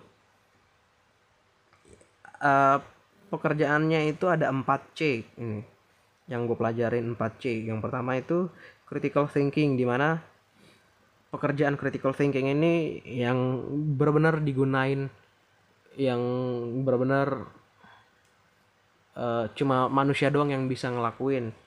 Kayak analisis data analisis eh, strategi kayak gitu. Terus juga politikus politikus ini manusia loh sekalipun. Eh, beberapa banyak orang yang mulai eh menurun rasa percayanya sama politikus karena janji-janji manis tapi pekerjaan ini yang long lasting buat manusia. Karena robot nggak didesain untuk berpikir futuristik tapi robot ya didesain untuk mengerjakan suatu hal yang ada di depan matanya dia. Kalau emang dia harus mengendarai mobil ya mengendarai mobil dan robot nggak berpikir robot diprogram. Itu yang ngebedain robot sama manusia. Terus juga programmer. Nah programmer nih. Programmer robot kan diprogram kalau manusia berpikir. Manusia memprogram robot untuk mengerjakan hal ini. Itulah kenapa eh, robot ini tidak bisa menjadi politikus. Karena politikus ini kan dia berpikir harus eh, berpikir ke depan harus menyusun program-program lima tahun ke depan harus seperti apa sementara robot nggak bisa berpikir seperti itu karena kan untuk menyusun program lima tahun ke depan, menyusun anggaran lima tahun ke depan, atau menyusun anggaran selama satu, satu tahun ke depan, membutuhkan critical thinking. Sementara robot program, bukan thinking. Terus juga itu kan C pertama, pekerjaan yang uh, dari 4C ini pertama itu critical thinking. Pekerjaan yang menggunakan otak. Terus yang kedua collaboration collaboration ini kayak pekerjaan HRD. HRD ini kan uh, merekrut orang untuk menjadi staff, menjadi karyawan, pegawai gitu-gitu. Nah, ini uh, long legs, long legs, long lasting buat manusia karena uh, sebagai orang yang ada di HRD atau kita ngejabat sebagai manajer atau ngejabat sebagai pimpinan. Di sini kan kita mainin psikologi orang-orang di sekitar kita, orang-orang yang berada di tim kita. Kita harus tahu uh, kondisi mereka seperti apa. Uh, mereka lagi semangat, mereka lagi down. Nanganin mereka tuh harus benar-benar secara psikologis banget. Sementara robot, robot nggak punya emosi robot di program. Well, next communication. Uh, pekerjaan yang berkaitan dengan komunikasi ini masih bisa dilakukan di uh, maksudnya masih bisa dilakukan oleh manusia di industri 4.0 atau ke industri nanti. Karena robot ini masih belum bisa untuk berkomunikasi. Misalnya kayak uh, sales marketing pengacara. Pengacara ini kan uh, apa sih jago banget dalam hal komunikasi. Misalnya lagi memaparkan suatu penjelasan di meja persidangan gimana caranya biar kliennya ini uh, bisa memenangkan sebuah kasus? Ya berarti kan si pengacara punya tanggung jawab untuk mengkomunikasikannya gimana uh, mer, apa si pengacara ini berretorika ketika menyampaikannya kayak gitu loh. Begitupun dengan sales marketing di mana harus persuasif agar banyak pelanggan yang datang terus membeli produk yang mereka suguhkan kayak gitu. Terus ada lagi creativity. Creativity ini dunia hiburan, misalnya kayak content creator, uh, musisi, artis, sutradara, sutradara. Padahal bisa di ini apa director atau sutradara, sutradara apaan sih gue nggak jelas. Nah, keempat pekerjaan tadi yang 4C tadi itu adalah pekerjaan yang masih bisa kita lakukan sebagai manusia yang kodratnya adalah bekerja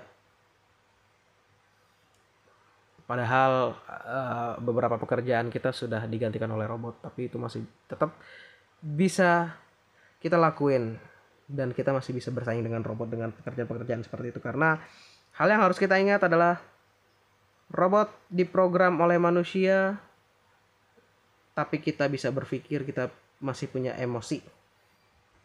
Nah sebenarnya ada yang paling uh, didam-idamkan untuk masa depan nanti pekerjaan idaman yaitu sebagai hacker. Hacker ini bagian dari pemrograman juga tapi dia bagian ke security-nya.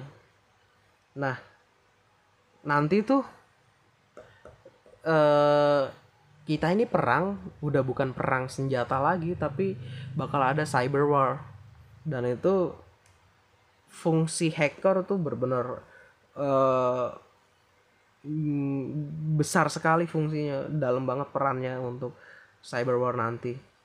Nah yang harus kita ingat adalah berapa tahun kemudian nggak tahu sih berapa tahun kemudiannya bisa cepat atau lambat kondisi bumi ini akan semakin logis karena semakin terukur dengan teknologi-teknologi yang diinovasikan dan akan semakin kekurangan akan emosi tandanya more logic less emotion becomes less happiness. Climate change, global warming semakin parah.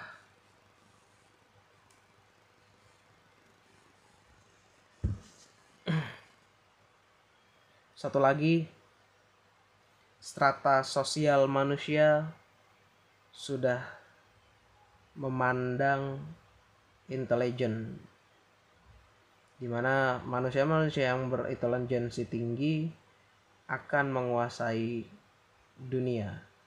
Bukan lagi manusia-manusia yang kaya atau miskin, kulit hitam atau kulit putih, itu semua menjadi strata sosial yang kuno, yang ketinggalan zaman. Tapi strata sosialnya nanti seberapa intelijennya lu. Karena kondisi zaman yang memaksa kita untuk semakin intelijen karena ya itu kita akan berhadapan dengan robot. Cie gitu. gue udah kayak futuris aja yang lagi ngebayangin uh, tentang science fiction uh, nanti berapa tahun kemudian bakal terjadi seperti seperti ini. ya, yeah, gue gue belajar kok tentang hal itu tentang uh, peradaban dunia tentang teknologi apa perkembangan teknologi dan bagaimana menyikapi hal tersebut. Gue gue masih mempelajari hal itu dan hal ini gue bagikan sebagai output karena gue menerima input yang sebegitu banyaknya. Oke? Okay. itu aja yang mau gue suguhin di podcast kali ini. Tidak terasa dua jam lebih gue ber uh, apa ya bisa dibilang ya bercakap-cakap pria. Gue bahasa gaulnya sih terima kasih sudah ngedengerin bacotan gue selama dua jam ini. Ya semoga kalian bisa ngedapetin banyak manfaat. Semoga kalian yang ngedengerin bisa semakin jadi orang yang uh, open minded bisa jadi orang yang semakin peduli dengan keadaan sekitar. Itu pembahasan kita hari ini. Sebenarnya yang gue bahas uh, tentang preman apa eh salah salah. Pemerintah adalah preman pasar seven deadly sins terus juga sharing ekonomis sama uh, sistem perusahaan aplikasi yang uh, tidak memanusiakan uh, para pekerjanya. Terus juga kalau mau sukses buat jadi apa jadi perusahaan aplikasi sukses harus punya di aplikasinya harus punya seven deadly sins sebenarnya itu sih pembahasan di podcast di episode kali ini. Tapi karena gua ngejawab pertanyaan uh, teman-teman gua jadinya agak panjang karena menarik banget. Dan pertanyaan-pertanyaannya pun masih berkorelasi karena uh, masih berkaitan dengan dunia industri kayak dunia pertelevisian yang sharing and rating itu kan unpredictable. sekalipun bisa diukur tapi nggak punya eh, apa sih parameter yang baku. Kalau misalnya bikin program ini pasti nanti dapat sharing ratingnya sekian. Nggak. Itulah kenapa eh, dunia industri hiburan masih masih masih masih layak banget sumpah masih banget layak untuk dijadikan profesi bagi manusia sampai kapan pun.